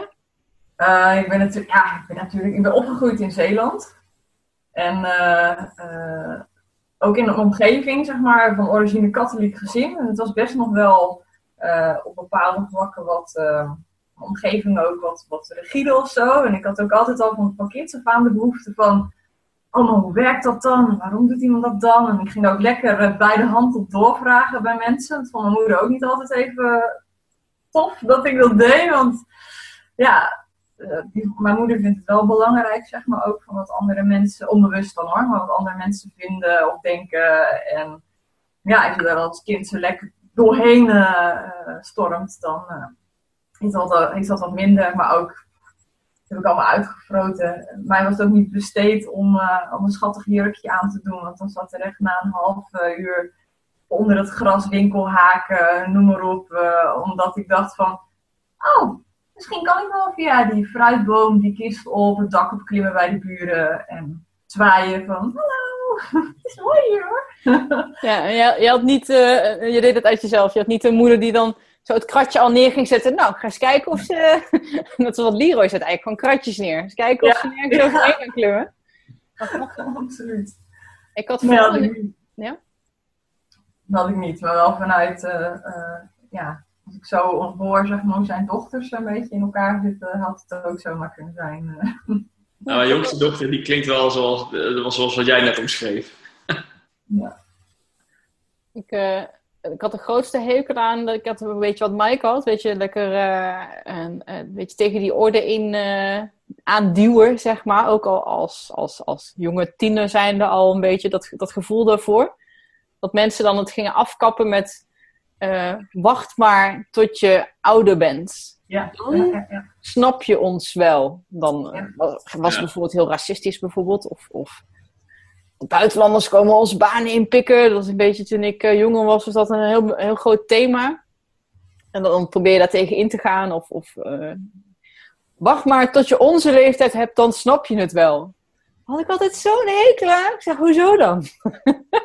ja. Alsof je ook geen mening of geen eigen ja, visie mag hebben, ook al ben je jonger of zo. Ja. Dat, eh, ja. Gek eigenlijk. ja of, al het, voor mij, oh. of al het uitbannen van alle risico's en, eh, en eventuele potentiële gevaren. Wat als dan, dan, dan, dan, dan, dan, dan. Ja, maar dat Dat is dus e- echt leven vanuit schaarste en angst. En overal alleen maar eh, de angst van, van inzien. Van de, de negatieve kanten van inzien. En volgens mij is dat wat Leroy nu ook probeert mee te geven aan zijn dochters. Van joh, ehm, je kan helemaal focussen op dit is de grens en je mag er niet overheen. Want oeh, aan de andere kant daarvan ligt iets wat ik niet ken. Eh, of en jij ook maar beter niet kan leren kennen, want misschien is het wel heel negatief. Nou ja, Ja. goed, Leroy weet nu wat er aan de andere kant van die pen ligt. Maar het is ook niet heel negatief, een boze mama. Dan ligt mama die boos wordt aan de andere kant van de pen. Maar eh, eh, ja, ik vind het wel, wel interessant. En ook wel, wel mooi dat je daar zo actief mee, eh, mee bezig bent. En ik denk dat dat in mijn eigen ja, transformatie, denk ik, de grootste les is ook geweest. Inzien dat er een verschil is tussen leven vanuit overvloed of leven vanuit schaarste. Want dat is een filter wat ik op heel veel, eh, ja, overal overheen probeer te leggen. Van hoe ga je hiermee om? Hoe denk je hier? Wat zeg je tegen jezelf? Wat zeg je tegen anderen? Hoe bekijk je de situatie? Wat voor keuzes maak je? Eh, ga je ervan uit dat eh, als het X niet wordt, nou dan weet je, je weet niet wat Y is, wat daarna komt, maar je gaat er wel vanuit dat dat dan iets, eh, iets positiefs is of iets moois. Als dit het niet is, nou dan betekent dat er iets anders is wat het wel is, weet je wel? Terwijl, ehm, Ja, het is, het is een beetje het is vanuit het behouden van wat je nu hebt, want dat, dat ken je. Ja. Ehm, gaan voor hetgene wat je echt wil, dat zou wel eens negatief kunnen uitpakken. En nu weet je wat je hebt, dus koester dat vooral. Want Ja. dan, weet je in ieder geval dat je iets hebt. En Ja. Het is die gedachte. Dat is volgens mij een mooi thema, wat ook, want je hebt een, eh, een eh, online training ben je aan het, eh, ja, ik, ik, ik, mag niet aan je vragen of die al af is. Want ik weet dat je heel hard Hij is aan nooit het af. Ja, maar vanuit je ervaring als, als coach en trainer. Ja, jij hebt ook die switch gemaakt naar meer ja, switch. Je ziet in dat ook mindset en, en eh, een hele belangrijke factor speelt in, in het grotere lifestyle plaatje. Ja. Ehm, dan zeg ik het goed, is het van moeten naar willen naar kunnen, hè? Dat is je... Ik moet er altijd even over nadenken. Ja, nou ja, ik, ik, ik speel er nog steeds een beetje mee. Ehm, maar in een notendop is het zo... ehm, de, het, de huidige tijdsgeest waar we in leven... eh, we kennen geen oorlog, we kennen heel veel overvloed. Er is eigenlijk nooit een, een periode in de geschiedenis geweest... waarin wij het als mens zo goed hebben... en waarin we zo weinig obstakels hebben... al- althans, laat ik het zo zeggen, in, in, de- in de westerse wereld... eh, om, om daadwerkelijk eh, te kunnen leven zoals we, zoals we willen leven. En het grootste gedeelte van de tijd zijn we altijd bezig geweest met overleven. We zijn ook gebouwd om te overleven. En nu gaat overleven eigenlijk vanzelf. En nu kunnen we gaan floreren. En floreren, dat, dat zijn we niet gewend. Dus dat, daar, dat vinden we dan ook moeilijk. En ehm, de, de tijdsgeest van nu, er staan heel veel mensen op die heel erg inspirerend zijn voor anderen. En eh, dus de, de samenleving eh, inspireren en stimuleren om, eh, ja, om, om echt wel meer uit het leven te halen. En, en het leven in je passie of het leven in je droom of, of, of nou, welke termen er ook eh, voor gebruikt worden. Mhm. En eh, op een bepaalde manier doe ik dat ook. Ehm, maar wat ik zie is dat aan de ene kant inspiratie is belangrijk, maar daar houdt het vaak op. Dus op het moment dat je een visie maakt en daar vervolgens wat doelen aan gaat hangen, dan, ehm, ja, dan, dan kan je visualiseren dat je een ons weegt. Er moet wel iets gaan gebeuren om, eh, om dat voor elkaar te krijgen. Dan heb je aan de andere kant heb je ook nog partijen, en ik noem dat dan meestal de experts. Dat zijn degenen die heel erg veel weten van een bepaald onderwerp. Ehm, soms, soms te veel. En je daarmee overspoelen met informatie die allemaal waardevol is, alleen waarbij je dus echt gewoon, ja, noemen ze dat, paralysis by analysis krijgt. Of waarbij er op een gegeven moment ook zoveel tegenstrijdige informatie is, waardoor je niet zo goed weet wat je ermee moet. Ehm, dus in, in, mijn, in mijn, mijn woorden noem ik het altijd, aan de ene kant heb je de guru die inspireert, en aan de andere kant heb je een expert die informeert. Maar op een gegeven moment zal er een punt komen waarbij je die inspiratie en die informatie moet gaan, moet gaan omzetten in, eh, in acties en in, in, in stappen. Mhm. En ehm, goed, ik ben van huis uit ingenieur en ehm, ik heb geleerd om te denken in systemen. Als er aan de ene kant iets ingaat, dan moet er aan de andere kant iets uitkomen. En dan moet een bepaalde, een bepaalde mate van betrouwbaarheid moet erin zitten. En er moet een bepaalde mate van consistentie in zitten. Als ik iets ontwerp, ehm, waar- waarbij de ene keer als ik op de knop druk iets omhoog gaat en de andere keer als ik op de knop druk iets naar beneden gaat en ik niet kan voorspellen wat er uitkomt, dan heb ik daar niet zoveel aan. Dus ik, ik, ik mag altijd denken dat mijn achtergrond als ingenieur me op dat een bepaalde denkwijze heeft gegeven die mij in staat stelt om dat soort processen te zien. Eh, toen ben ik leraar geworden. En daarmee heb ik communica- communicatief en didactief, didac- didactisch met didactiek. Ehm, ook bepaalde vaardigheden gekregen. En toen ben ik, maar, maar leraar zijn is historisch gezien heel erg veel eenrichtingsverkeer. Dus ik, ik ben de bron van informatie en die zend ik naar jou. En eh, het is aan jou om, om het op te vangen. En natuurlijk zijn daar verschillende eh, manieren van lesgeven voor en verschillende lesmethodieken. Maar het is heel erg dat de kennis vanuit één bron komt en dat die dan op een bepaalde manier maar moet landen bij de ontvanger. Nou, toen ben ik als coach gaan werken. En als coach heb ik geleerd van nou, die informatie die, eh, die is wel waardevol. Alleen de manier waarop die informatie toegepast wordt, die is heel erg persoonlijk. Dus ik heb eigenlijk van drie eilandjes kunnen snoepen daarin. Van nou, eh, het werken, het, leren denken in systemen. ehm, het, het, het goed kunnen uitleggen van bepaalde dingen. En ook daadwerkelijk in oogschouw kunnen nemen dat iemand een leven heeft waarin eh, geleefd wordt en waarin niet altijd een ideale wereld is. En ik, zoals ik het nu zie, kan ik weer terugkruipen in de rol van leraar, waarin ik die dingen ehm, kan combineren. En wat ik dus nu gedaan heb, is ik heb, als je kijkt naar het, veranderen op zichzelf, ik vergelijk het altijd met lezen. Ehm, je leert lezen niet zozeer om, om het lezen, maar met name om informatie tot je te nemen of om mooie verhalen te lezen of ter ontspanning. Maar het lezen is daar een, een, middel en geen doel op zichzelf. En wat ik heb geprobeerd te doen is um, het systeem wat ik hanteer bij de mensen die ik coach. Dus als ik mensen coach, dan komen ze aan de ene kant op een stukje informatie, maar aan de andere kant moeten ze dat ook daadwerkelijk kunnen toepassen. En daar zit een, ik heb gemerkt dat daar een bepaald systeem achter zit, wat ik uh, los kan koppelen van de inhoud en waarmee ik mensen kan helpen om gewoon uh, hun doelen systematisch te bewerken, zodat aan de, aan de, te, te, te behalen. Zodat er aan de ene kant, een, bij wijze van spreken, een doel ingestopt wordt. Ze, ze weten wat ze willen en ze weten wat ze ervoor moeten doen. Dat ze het proces van kunnen ingaan en dat er vervolgens ook daadwerkelijk consistent uh, dat doel behaald kan worden. En um, ja, goed, dat, systeem dat heb ik uitgewerkt. En um, ja, dat, daar ben ik nu een online training van maken. Ik ben er inmiddels ook besloten om er een boekje over te schrijven. Um, om vanuit de gedachte dat ik dan denk van ja, het is, het is echt een metaskill net als lezen. Als je een visie hebt en je stelt doelen, ja, dan is het fijn als je ook gewoon een, een, manier hebt waarop je gewoon structureel die doelen kan halen. En uh, ik denk dat ik die heb. En dat is de reden waarom ik dit gemaakt heb zonder je hele training uh, bloot te geven, kan je één, ja, één tip meegeven, ook voor degenen die luisteren. Die zeggen van, nou, ik heb mijn doel, ik weet wat ik wil, ik weet wat ik ervoor moet doen. Maar ja, goed, wat wij bij Love Fit Food dan bijvoorbeeld vaak horen, is dat mensen komen met, ik weet niet hoe ik moet starten. Of, ja. of ik weet niet waar de knop zit. En uh, daar komen dan de meeste mensen toch mee. Uh... Ja, nou goed, de knop die zit er niet, maar dat zullen jullie ongetwijfeld ook zeggen. Um, nee, een van de dingen die ik het meest waardevol vind om, om jezelf te leren, is, en dat heeft waarschijnlijk ook weer te maken dat ik met het type ben wat, wat, wat, wat, wat meer in zijn hoofd zit, is uh, het, het waarderen van het proces. En ik heb daar heel erg lang over nagedacht. Ook van, nou, ja, wat maakt nou dat dat proces zo waardevol is?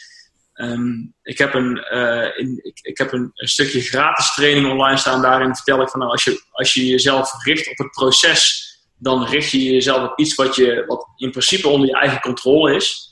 En dat maakt de invloed van buitenaf um, uh, een, een, stuk kleiner. Dat, ja, goed, controle is, belangrijk. Uh, controle hebben is het tegenovergestelde van stress. Dus als jij uh, weet van nou, dit zijn de stappen die ik moet nemen om mijn doel te behalen. En, ik, en resultaat is het uitvoeren van de stappen. En resultaat is niet zozeer um, het, het, de, de uitkomst op zichzelf. Dan heb je al een hele grote, een hele grote strijd gewonnen. Want dan weet je van zolang ik maar blijf stappen, dan komt dat resultaat vanzelf. Ja. Um, wat het inzicht wat ik recentelijk had, is dat je, uh, dat je de stappen nodig hebt. Uh, en, en daar kwam ik op toen ik, toen ik iets hoorde over mensen die de loterij winnen. Uh, de meeste mensen die de loterij winnen, die winnen in één keer een miljoen of een paar miljoen. En die zijn na een, ja, geef, maar een aantal weken, maanden, jaren, maakt niet zoveel uit. Op een gegeven moment is dat geld weg. En dat is dus op het moment dat jij vannacht gaat slapen en je bent arm en je wordt morgen wakker en je bent miljonair. Dan dan heb je het proces gemist om aan dat geld te komen. En op het moment dat je dat proces gemist hebt, dan weet je dus ook niet wat je moet doen om het te behouden of om het weer terug te krijgen. En in die zin is het proces ook waardevol om een stuk um, uh, zelfstandigheid of autonomie te creëren of vertrouwen te creëren. Misschien dat vertrouwen het beste woord is. Uh, in jezelf, geloof in jezelf dat jij dat doel of dat resultaat waard bent omdat jij al die stappen hebt doorlopen en omdat je uh, het onderdeel van je identiteit is geworden. Jij, je bent het waard om dat te kunnen, omdat je het werk verzet hebt. En omdat je aan jezelf hebt laten zien dat je het werk verzet hebt. En dat is misschien nog wel waardevoller dan het feit dat je de uitkomst onder controle hebt, want dat is fijn. Maar het feit dat je daadwerkelijk ook gelooft dat je het resultaat waard bent doordat je het proces doorlopen hebt, dat is waarschijnlijk nog wel het meest waardevol zie je wel twee interessante linkjes ook. Twee dingen waar ik meteen aan moet denken is... Uh, ja, dit vertaalt zich ook naar de hele ding dat mensen geloven in overnight succes. Als ik dan even de zijstap naar ondernemerschap, ondernemerschap uh, neem. Uh, ja, weet je, bestaat dat? Dat je in één keer je grote doorbraak hebt, het grote aha-moment. In één keer vindt de hele wereld jou fantastisch geweldig, stroopt het geld ja. binnen. Ben je, weet je, ga je vanavond slapen, ben je morgen miljonair. Dus dat, die. en tweede ook, dat besefte ik me niet eens zo heel erg. Maar misschien is dat ook wel de reden wat je net schetst. Dat bijvoorbeeld een crashdieet of een, een, een tijdelijk kortstondig doel van even in vier, vier weken x kilo willen afvallen voor een bruiloft of voor een. Ja. Dat mensen in een soort van high uh, zijn en eigenlijk dus die stappen niet bewust doorlopen en eigenlijk een, een shortcut nemen naar even snel daarnaartoe. Ja. Uh, en dat ze misschien daarom dan ook dat niet vasthouden of kunnen vasthouden. Omdat ze in een soort van baas van verstandsverwijzering, oogkleppen op, uh, erheen gegaan zijn. Dat is ook een soort van overnight succes. Uh, succes. En ook, volgens mij een false positive. Zo van ja, je hebt het gewenste uitkomst. Maar eigenlijk ben je, ja, wat is dat weer een. Jij bent ook statistiekleraar geweest. Is dat. Uh, Nee, ik ben ah. van de wiskunde B, hè? niet van de wiskunde A. Oh, oké, oké. Ik weet dat er een naam voor is in de statistiek als je zo'n uh, false negative. En, en, fout 1 of fout 2. Nou goed, doe er even. Bij, bij mensen is natuurlijk, wij zijn heel erg complex. Dus ik, ik weet niet of wat je zomaar kan zeggen of het één ding is. Ik denk dat het voor het, voor het psychologische stuk of voor het mentale stuk, dat het, dat het misschien best wel zo zou kunnen zijn inderdaad. Dat je uh, het proces doorlopen creëert op een gegeven moment natuurlijk ook gewoon gewoontes. Naar een bepaalde, op een bepaalde. Dat is dan meer op neurologisch niveau. Ja, en, en um, vertrouwen dus ook wat jij zegt. Dat vind ik wel heel sterk daarin. Dus dat uh, elk stapje geeft je een, een, ja. een, een stukje zekerheid van hé, hey, ik kan dit. Ja, ja. ja en, en dan, ik denk dat, dat je daarmee. Uh, dat je daarmee het cirkeltje mooi rond hebt richting een transformatie. Als jij een transformatie ondergaat, maar niet het idee hebt dat je het waard bent, dan, dan, dan heb je qua, in dit geval uiterlijk misschien een transformatie ondergaan. Maar dan ben je tussen je oren nog steeds niet getransformeerd. En het, het proces heb je nodig om tussen je oren ook te transformeren. Wat je transformatie dan ook is. En um, ja, goed, dat is wel. Uh, ik heb inmiddels een rijtje van vier of vijf dingen waarmee je kan onderbouwen waarom mensen van al die stomme dagelijkse dingen moeten doen. In plaats van in één keer voor de quick fix te willen gaan. Ja. Ah joh, maar die quick fix is toch veel leuker? Ja. die wonderpil. dat hangt van je doel af, hè? Dus dat hangt ook van je, van je doel af en wat, wat, wat, welk resultaat je ervan verwacht. Als jij wil pieken voor je bruiloft, ja, dan ben ik de laatste die zegt dat je het niet zo moet doen. Ja. Maar als jij uh, iets wil doen omdat jij je leven wil omgooien, ja, dan is dat waarschijnlijk niet het meest handige pad om te nemen. Ik als, uh, ik als uh, meta-denker zelf liep er nog wel eventjes in vast. Want ik ben heel toevallig vanochtend of gisteren uh, begonnen met het opnieuw opschrijven van mijn, mijn jaardoelen. heb namelijk laatst mijn vorige jaardoelen, dat, ik schrijf dat op een heel mooi groot vel papier, kwam dat tegen. En van de elf kon ik het acht wegstrepen. Nee, wacht even. Het waren er twee die dus samenhingen. Eigenlijk waren het tien doelen waarvan ik er acht kon afstrepen en dus twee niet gehaald waren. Dus ik ben weer nieuw aan het opschrijven, gewoon dat er fantastische dingen gebeuren als je ze echt daadwerkelijk op papier zet. En dat gaat heel breed, van uh, financieel naar uh, lifestyle, mindset, maar ook lichaam. Ik bedoel, uh, ja, dat is een reden dat Mike en ik ook met Love Fit Food zijn begonnen. Een stuk ook onze eigen persoonlijke zoektocht daarin geweest. En ook dat is en blijft een proces en is en blijft een zoektocht en is en blijft gewoon, en dat is ook gewoon mooi, weet je, ik vind dat ook wel heel leuk. Dus ik was bezig met die doelstelling, ook met dat wat je net benoemde in mijn achterhoofd van, oké, ik ga niet op die uitkomst zitten, wat op mijn vorige vel stond, uh, vetpercentage verlagen naar een x-percentage. Dan ga ik het terugbrengen naar stappen. Maar waar ik dan op vastloop, is dat als ik als stap heb, is dat ik uh, nou, stel zo van, als ik dan de keuze heb tussen gezond en minder gezond, ga dan voor de gezonde optie. Zo van, dat dan een, is dat dan een voorbeeld van een doelstelling die zich richt op de stap? Maar denk ja, maar dat is ook al een uitkomst. Want dat kan je ook al met ja of nee, zeg maar, afvinken. Of denk ik er dan te veel over door? Ja, de manier waarop ik hem kader is... Uh, uh, dus ik, ik noem het altijd resultaatdoelen en procesdoelen. Een resultaatdoel is een stip aan de horizon. Dus als jij een bepaald ideaalbeeld voor de toekomst voor jezelf ziet, um, dat is het resultaat wat je wil bereiken. En uh, als je dan zegt van nou, uh, ik wil, uh, mijn resultaat is een gezond voedingspatroon in dit geval, dan is een stap in dat proces is kiezen voor de gezonde optie. En, het, en dan heb je wel een mini-resultaatje wat je dan boekt, want dat is een meetbaar resultaat. Maar als jij van, als jij van de duizend keuzes die je hebt één keer kiest voor de gezonde optie, dan zal jouw resultaat niet een gezond voedingspatroon zijn. Nee. Dus het is, um, het, het, het, is absoluut, het is geen absolute wetenschap, um, maar het is meer van. Ik, ik, ik probeer altijd de factor tijd eruit te halen. Dus bij een resultaatdoel, die heeft wel de factor tijd. Yeah. Die, die, is niet nu, maar die is ooit.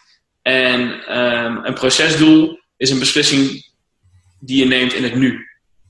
Oh ja. Dat is wel een mooie... Dat is uh, mijn uh, beperkte... Mooie definitie ervan.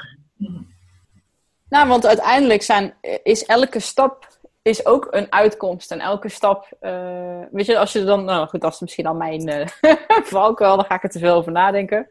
Ja. ja maar wat is dan een mooi procesdoel? Nou, dat is dan, ja, als de gezonde optie voorhanden is, dan daarvoor gaan. En dat wil niet zeggen dat je nooit meer ongezond mag eten. Want er zullen nog genoeg ja. situaties zijn waarin je gewoon kiezen is tussen slecht of slechter. Of, uh, ja, of dat je maar één keuze Ja. hebt. Maar dan, dan, hou je dat, dan maak je het wat minder alles of niets. Zo van, ik mag nooit meer een suiker eten. Of nooit meer junkfood. Of uh, dan hou je hem wat meer van, hey, dit, als dit mijn keuzepalet is, dan spreek ik bij mezelf af dat ik in ieder geval altijd voor uh, aan, aan de goede kant van de schaal Ja. ga kiezen. En niet aan het andere uiterste einde. Um, dus dat zou dan voor mensen een mooi uh, procesdoel zijn. Ja, je, je hoeft hem niet eens zo zwart of wit te maken. Hè. Het hangt er een beetje vanaf op welke schaal dat je kijkt. Je zou ook kunnen zeggen van nou, um, want uiteindelijk praat je over, over beslissingen maken, over keuzes nemen. En als jij weet dat jij tien keer per dag een bepaalde keuze moet nemen en um, de, de uitkomst van die keuze brengt jou of dichter bij je doel of verder van je doel weg, om het dan maar even zo te zeggen, dan zou, je, dan zou een processtap kunnen zijn dat je zegt van nou, van die tien keer dat ik die keuze heb, probeer ik acht keer voor ja te kiezen en twee keer voor nee. Ik noem maar even een heel simpel voorbeeld. Dus je kan het zo, zo complex, ja complex niet, maar je kan het zo uitgebreid maken als je wil.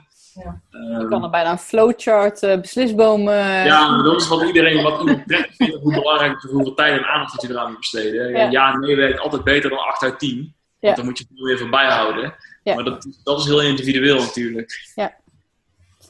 En ik denk dat, uh, nou, als ik kijk naar mijn eigen transformatie en ook interesse, en, en, en ik heb daar met Mike ook best wel veel uh, over. En uh, volgens mij ben jij daar ook veel mee bezig. Is dat, weet je, de manier waarop wij er nu over praten, en dat is echt natuurlijk vanaf een metapositie ook, is um, het impliceert dat je een keuze hebt, maar ook dat je weet dat je keuzes maakt. En ook dat je tijd hebt om daarover na te denken. Want Ja. bij zoveel van ons staat alles gewoon op, we gaan op een soort van default modus door het leven. En uh, Ja. de automatische piloot. En pas als jij je bewust wordt van bepaald gedrag. En daar ruimte omheen creëert. Al is het maar een fractie van een seconde dat je... uh, en Ja. ik wil even niet de rabbit hole van de vrije wil ingaan. dat is, Nee. uh, want je maakt hoe dan ook een keuze. Wie dat nou bepaalt. Of jij dat nou zelf bent of iets anders. Dat maakt dan heel eventjes voor nu niet uit. Maar je moet daar wel ruimte omheen creëren. Om dus ook daarin te kunnen switchen. En als je dan voor zo'n buffet, stel even dat buffet zeg maar, en je, ga je voor de friet of ga je voor de sla?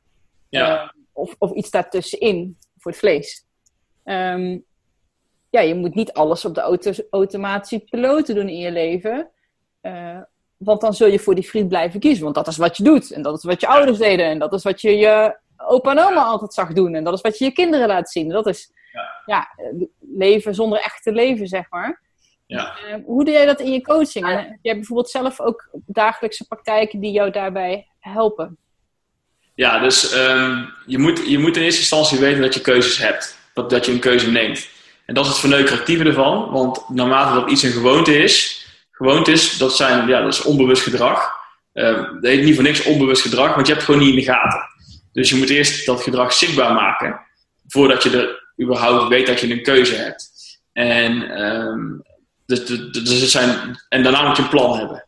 En ehm, eh, dat, zijn, dat zijn belangrijk. Dus als, je, als ik dan terugkom op nou, dat, dat systeem wat ik bijvoorbeeld eruit heb weten te filteren, Mhm. dat is daar onderdeel van. Dat je op een gegeven moment weet van nou, in eerste instantie wil je een omgeving creëren waarin je niet hoeft na te denken over je keuzes, omdat je eigenlijk automatisch in, de, in default de goede keuzes neemt. Dus dat zou dan een eerste stap kunnen zijn. Vervolgens moet je een plan hebben van nou, als ik dan wel als ik in de situatie zit waarin ik wel een keuze moet nemen, welke keuze neem ik dan? En afhankelijk van hoe mijn dag, week, maand, jaar, whatever verloopt, eh, ik- heb je daar verschillende opties in. En vervolgens eh, zijn de keuzes, ja, dat zijn dan meestal keuzes die van negatieve invloed zijn op de uitkomst die je hebt. Die je niet in de gaten hebt, dus die je in eerste instantie zichtbaar moet maken. En waarmee je dan vervolgens moet gaan kijken van ja, hoe ga ik er nou voor zorgen dat ik dan het grootste gedeelte van de tijd de juiste keuze neem. En welke keuze is er dan? Dus het is een, een soort van, ja, eh, aan de ene kant wil je een omgeving creëren, dat is heel duidelijk. En, daarna ontstaat er een, soort van circulair systeem waarbij je keuzes zichtbaar moet maken. En vervolgens opties moet creëren voor die keuzes. En eh, de manier waarop ik erin sta, is dat ik in eerste instantie op zoek ga naar wat motiveert mensen.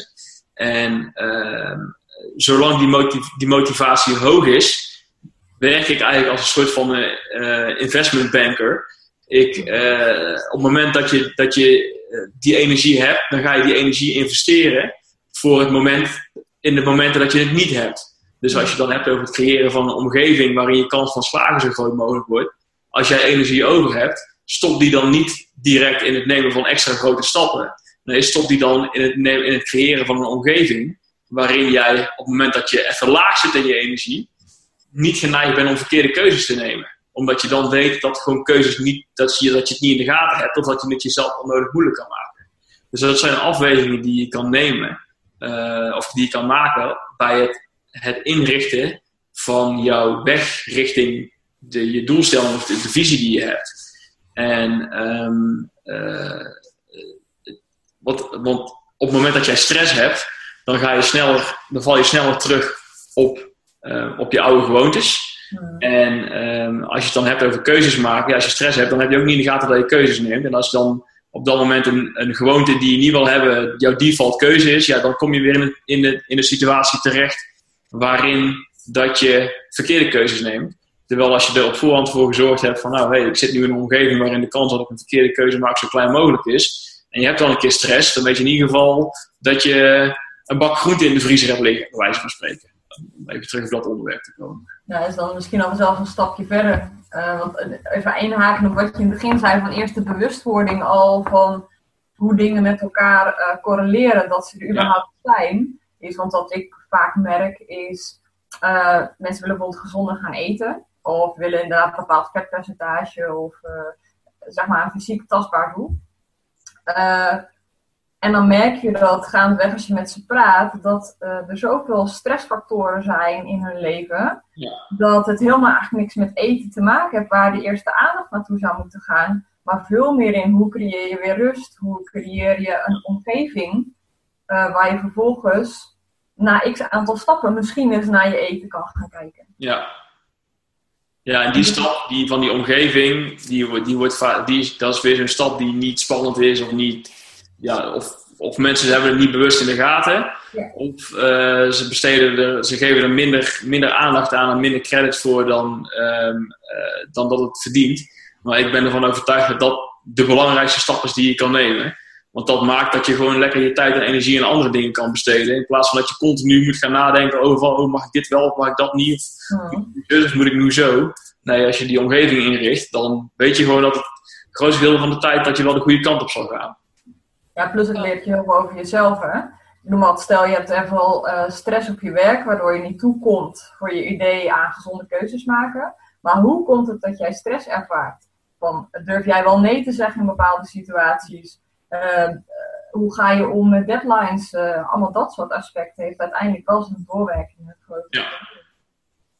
Ik vind het ook wel interessant wat je zegt, Leroy. En daar sta ik natuurlijk niet echt zelf bij stil. Maar het is natuurlijk wel, we leven in een tijdperk in een samenleving waarin individu- individualisme heel hoog staat. Dus we denken allemaal, eh, ik ben de kapitein op mijn eigen schip en ik vaar mijn eigen koers en ik trek mijn eigen plan. En wat ik doe, dat komt allemaal door wat ik doe. Terwijl feitelijk zijn we gewoon, wordt wel eens gezegd, hè, je bent het gemiddelde van de vijf mensen waarmee je omgaat. Is dat de context waarin je bevindt uh, voor een groot gedeelte bepaalt ook uh, wat je doet. En ja. Dat, dat, merk ik nu uh, zelf, nu ik dus ja, als digitale nomade mijn eerste stappen aan het maken ben. Je merkt in één keer van, hé, hey, ik ben in een andere context. Ik ben in een andere omgeving. Ik ben weliswaar niet alleen. Ik heb nog steeds contact met de mensen die ik heb. Maar je wordt je pas bewust van, ik heb in één keer veel meer vrijheidsgraden in de keuzes die ik maak. Uh, zelfs in de dingen die ik denk of die ik leuk vind of niet leuk vind, gewoon je hebt die invloeden van je vaste omgeving niet. En ja. dat was, uh, dat is het grootste, tot nu toe het grootste inzicht wat ik nu aan het opdoen ben. En dat is denk ik ook voor mensen heel waardevol om te weten van joh, en dat kan best wel eens hard zijn, want dat betekent misschien ook wel dat je van sommige dingen afscheid moet nemen. Het hoeven niet per se mensen te zijn, maar misschien wel weet ik veel, uh, plekken waar je veel komt of televisieseries die je kijkt. Want denk, ja, weet je, waar voed jij jezelf mee? Ja. Wat voor omgeving creëer je voor jezelf? Zit dat vol met angstboodschappen en, uh, en doemdenkers en, uh, en ook van dat soort dingen? Of omring jij je met dingen die jou, die jou verder gaan helpen en die je inspireren en die je ondersteunen en ehm, ja, waar je aan op kan trekken of waar je naar opkijkt. Dat is wel, wel mooi, want dat, dat, nou, het is goed dat je het zegt. Staat er, je staat daar helemaal niet snel zelf bij. Je denkt, oh, ik moet het zelf doen. Het zit in mij en ik moet uh, harder willen of uh, meer motivatie of iets meer kennis, zodat ik nog precies weet wat voor eiwit ik moet eten, zodat ja. het wel lukt. ja. ja. ja. ik denk dat je, je, je noemt motivatie. Um, ik zeg altijd van ja, motivatie is, is belangrijk, maar niet het belangrijkste. Mm. En dat is niet zozeer omdat, je, omdat motivatie niet nodig is, maar dat is met name omdat mensen hun motivatie eigenlijk verspillen aan de verkeerde dingen. Mm. Dus als je je motivatie gebruikt om, uh, ja, waar we het straks over hadden, om snel, om snel en grote stappen te nemen, dan denk ik van nee, je zou juist die motivatie niet moeten gebruiken om heel eventjes um, uh, je mes te slijpen en je plan te maken. En, uh, en, en na te denken over van, nou, hoe, hoe ga ik dit en, en, hoe ga ik dit voor elkaar krijgen en waarom wil ik dat? En uh, dan, dan, dan volgt de rest vanzelf. Maar als je die motivatie gebruikt, eh, want motivatie dat is natuurlijk een bepaalde link richting wilskracht ook, mm-hmm. dan uh, op een gegeven moment dan, ja, dan, dan heb je er geen zin meer in, of dan weet je niet waarvoor je het doet, of dan heb je gewoon letterlijk geen energie meer. Ja, wat dan? Terwijl als je even pas op de plaats had genomen, even adem terug had genomen en gezegd van nou ja, oké, okay, wil ik dit echt? Waarom wil ik dit? Op wie is dit van invloed? Wat betekent dit voor mij? Wat betekent dit voor anderen? Um, dan, dan is je de kans dat je het op lange termijn volhoudt dat je ook daadwerkelijk dingen gaat behalen die je voor jezelf gesteld hebt, die is veel groter. Ja. Zijn nog twee dingen die ik, want ik zit eventjes, uh, we zijn al lekker aan het, uh, aan het kletsen. Twee uh, vragen of, of observaties. Um, je, je systeem doet aan de ene kant heel, heel rationeel aan. Dat, geef je, dat zeg je elkaar zelf. Ik ben een systeemdenker. En, dus het is vrij logisch dat je met dat model voor jezelf komt. En waar je ook mooie successen mee boekt. Um, ik zelf ben nu een, uh, een stuk aan het schrijven. Ja, ik weet niet of het ooit een boek wordt, maar in ieder geval. dus het wordt steeds groter. Hoeveel woorden zitten er eigenlijk in een boek? Ik zit nu op, wat zei ik nou, Maaike? 7.500 of zo. En het is nog lang niet af. Dus het wordt een. Uh... boek volgens mij. Volgens mij zijn een boek al tien keer zoveel. Ah, oké. Okay, nou, e-boekje. Ja, ja, ja. Is dat. Um, um, daar zit, uh, ik heb een lijstje met tien obstakels, smoesjes, dingen die je tegen jezelf inwendig zegt op het moment dat je iets doet wat je eigenlijk niet zou willen doen. En ik ja. uh, heb het nu dan even op het voedingspatroon uh, gelegd, want dat is gewoon wat je het meeste ziet en waar ook mijn eigen ja, uitdaging zit. En dat is een heel mooi verschil tussen Maaike en mij bijvoorbeeld. En ik heb het nu hier ook aan een paar mensen gevraagd: van, joh, herken jij je hierin? Of wat vind je hiervan? Dat er twee typen mensen zijn. En volgens mij zijn jij en Maaike al twee uh, personen die daar minder mee hebben. Er staat bijvoorbeeld in, uh, fuck it, uh, ik heb het verdiend. Ik begin morgen wel weer. Eh, het werkt toch niet voor mij. Dat het kan ook zijn van, ah joh, eh, het is allemaal wel wat, ze, wat die Leroy zegt, dat werkt niet voor mij. Nou goed, zo heb ik een heel lijstje met tien. En ik heb gemerkt dat mensen of zeggen, ja, ik herken ze alle tien. of zeggen, ja, ik hoor het wel eens van anderen. Uh, dat het zo werkt, maar ik heb er zelf geen last van. En die een wat meer rationele modus operandi hebben, die daar wat makkelijker zich door dat soort dingen laten beïnvloeden. En dat was best wel een eye-opener voor mezelf, want je denkt dat iedereen uh, daarmee worstelt. Ik weet dat Mike dat bijvoorbeeld helemaal niet had. Die, als je die iets een schema geeft, dan zegt ze, nou oké, dan doe ik dat. Want dat is wat ik gewoon dan moet doen, zeg maar. Die zal dan eerder moeite hebben met daarmee stoppen.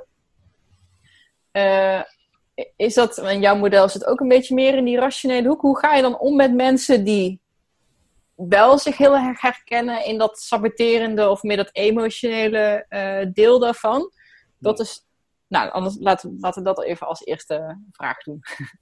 Um, nou ja, ik, ik snap dat het lijkt het in de rationele hoek zit. En misschien zit het er ook wel een beetje. En dat heeft te maken um, met het feit, als je, uh, als je kijkt naar hoe dat je opereert als mens en, en, en ja, gewoon als, wezen zijnde. Je hebt natuurlijk je hebt een biologisch stuk, dat is dat lijf waar je in zit en al die processen die erin zitten. Dan heb je een, een, een, een stuk uh, psychologie. Dat is uh, alles wat we denken en wat we doen en, en, beslissingen die we nemen. En dan heb je nog een, stuk neurologie. Dat is als het ware software die, die de boel aanstuurt. En emo emotie is super belangrijk. En ehm, sterker nog, is het aller, allerbelangrijkste van allemaal. Want emotie zorgt ervoor dat jij in beweging komt. En, um, Maar om de manier waarop je met emoties omgaat, emoties dat, zijn, dat is een expressie. Mhm. En de manier waarop dat je daarmee omgaat, er moet ergens een gebruiker zijn die daar iets van, die, die een eerste aanzet doet om, uh, om daar op een andere manier mee om te kunnen gaan. Dus als je kijkt naar het stuk psychologie, en ik, noem dat dan, de, je hebt het gezien, je hebt de rijder, de rijder, de olifant en de, en de route. Dus de olifant die stelt daarin de emotie voor. Maar uiteindelijk, de, de persoon waar ik mee kan communiceren en die iets kan veranderen, dat is dat, dat kleine mannetje wat op die olifant zit, die, een heel klein, die je kan, ervan kan overtuigen om een heel klein stapje de andere kant op te nemen. En naarmate dat je meer last hebt van um, uh, die stemmetjes zoals jij ze net omschreef, dat betekent eigenlijk dat die olifant heel, heel, heel erg bang is.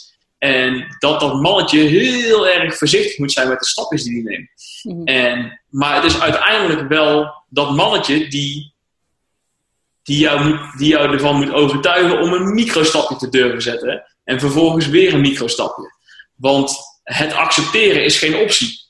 En de enige, die, de enige manier om dat accepteren, althans zoals ik er naar kijk, um, uh, uh, om, om in een andere mindset te komen, is een heel klein stapje nemen, kijken wat je daarvan vindt. Vervolgens weer een heel klein stapje nemen, kijken wat je daarvan vindt. Oh, dat vond ik niks, nou misschien moet ik de andere kant op stappen.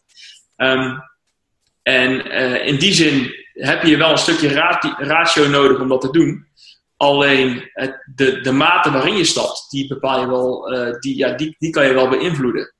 En dat pakt terug naar het proces. Dat op het moment dat jij die stemmetjes hebt, dan, dan vertrouw je mij voor, als ik die tegen jou zeg, dan vertrouw je mij voor gemeten. Dan denk ik van ja, fuck die die, die, uh, je kan dat wel zeggen. Dus dan is het zaak dat ik jou iets laat doen waarmee ik jou steeds meer vertrouwen geef. Niet zozeer in mij, maar met name in jezelf en, en dat je het kan.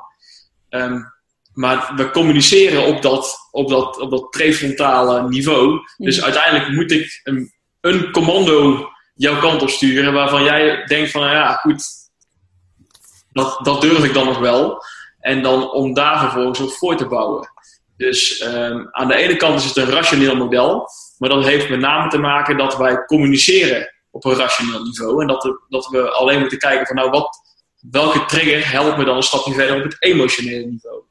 Toen moet ik wel een beetje denken aan hoe, uh, volgens mij was dat Bob Proctor ook uh, beschrijft, dat je, je de weg naar het unconscious is via je consciousness.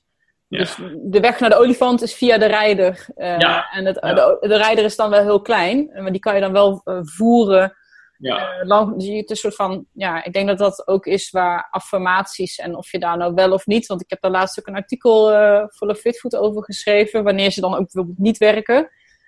Maar dat zit wel een beetje in die hoek. Je moet die rijder ervan overtuigen. Uh, Ja. ja, die olifant een bepaalde kant op blokken, zeg maar. Degene die het, die het hele olifantrijden-route uh, verhaal niet kennen, zal ik meteen even je, je, je gratis masterclass pluggen, Leroy. Ja. dat gaan we nu niet uitleggen, maar dat, uh, waar kunnen mensen dat vinden? Ah, fuck, moet ik even zoeken. Website. uh, LeroyNader.nl Nou, dit is in ieder geval niet uh, in scenario.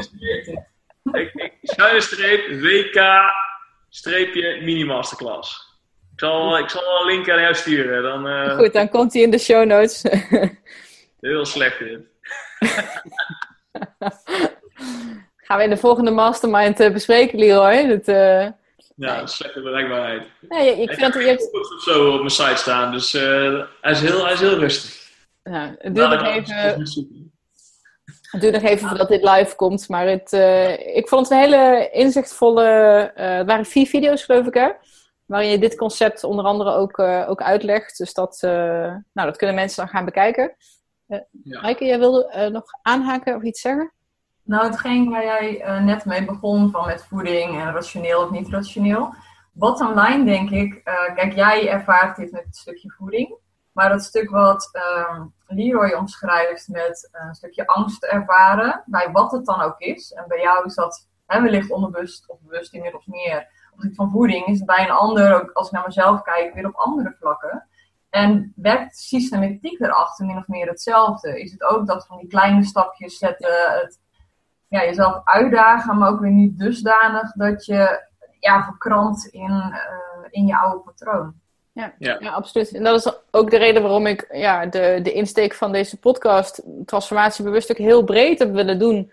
Is dat, uh, weet je, of dit nou over je spirituele reis gaat, of emotionele veranderingen, of je financiële zaken op orde willen krijgen, of uh, je, je onderneming op orde willen krijgen, of whatever. Weet je, wel. je, hebt, je te maken met weerstand, je hebt te maken met momenten van inzicht of momenten van in één keer dat je in een stroomversnelling uh, terecht kan komen of er even stilstaat en hoe ga je daarmee om en, en, en hoe, hoe, ja, hoe pak je dat aan? En dat vind ik ja, waanzinnig interessant. Dat is, uh, ja.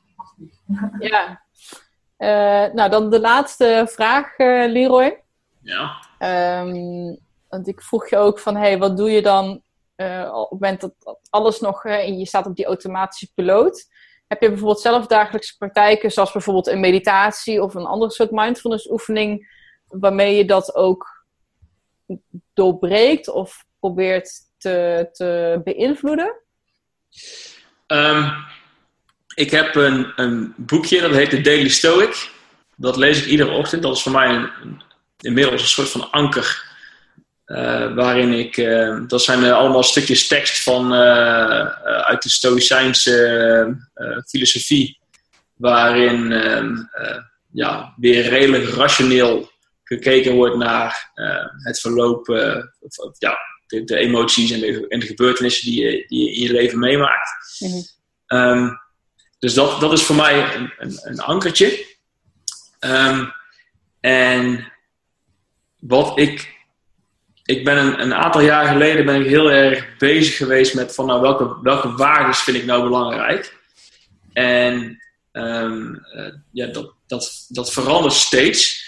Maar waar ik, wat ik merk, en dat, dat is ook wel weer een klein beetje de wetenschappelijke methode denk ik, is dat ik zoveel mogelijk en zo vaak als ik kan mezelf de vraag stel, wat weet ik niet? Dus als ik de neiging heb om te oordelen over een situatie, of ergens iets van te vinden, of van iemand iets te vinden, dat ik mezelf dan de vraag probeer te stellen van, ja, waarom is het eigenlijk? Wat weet ik? Is hier informatie? Welke informatie mis ik, waardoor ik dit nu denk? En um, niet zozeer om een antwoord op die vraag te hebben, maar dat is wel mijn pauze, waardoor ik oordelen uh, kan uitstellen. Of in ieder geval een, een, ja, oordelen kan uitstellen eigenlijk. Um, of het dan gaat om, om, om, iets wat ik vind van een persoon. Of om een keuze die ik moet maken. En um, dat, dat probeer ik wel steeds meer te doen. Dat is ook een van de dingen die ik in dat, dat boek, wat ik zei, Sapiens, wat ik eerder ehm, eh, noemde, van, dat hij op een gegeven moment omschrijft van ja, de mensheid accepteerde op een gegeven moment dat ze niet alles wisten. En dat is de start geweest van de wetenschappelijke revolutie. Ehm, niet zozeer omdat ik heel wetenschappelijk ingesteld ben, maar wel gewoon, ik denk van ja, ik denk dat het een mooi uitgangspunt is om ook gewoon wat verdraagzamer naar elkaar en zo allemaal te zijn. Om gewoon ervan uit te gaan van er zal wel, ik zal wel een stuk informatie missen die verklaart waarom nu dit gebeurt. En uh, niet, nogmaals, niet om op zoek te gaan naar wat dat is, maar wel om mijn eigen oordeel uit te kunnen stellen. Ja, wel mooi. Ik vind het heel, heel humble, om het allemaal even in het Engels uh, een taal Ja, dat is dus ook de waarde die daar aan hangt. Ja, ja. Volgens mij ook wel een beetje hetzelfde als wat, wat Byron Katie doet, is je, je eigen uh, oordelen tegen het licht houden. En zij vraagt dan van ja, is, it true? Dat is eigenlijk hetzelfde van ja, welke informatie mis ik, kan je vertalen. Is, is, het, is het echt waar? En kan ik echt zeker weten dat het echt waar is? Want waar het dan feitelijk op neerkomt, dat je niks zeker weet en dat niks waar is. En je, je mist altijd heel veel informatie, want je hebt niet je hebt nooit alle informatie om de hele situatie te overzien. Dus dat, dat maakt je meteen ook heel met beide voeten op aarde. Van joh, ik weet het niet.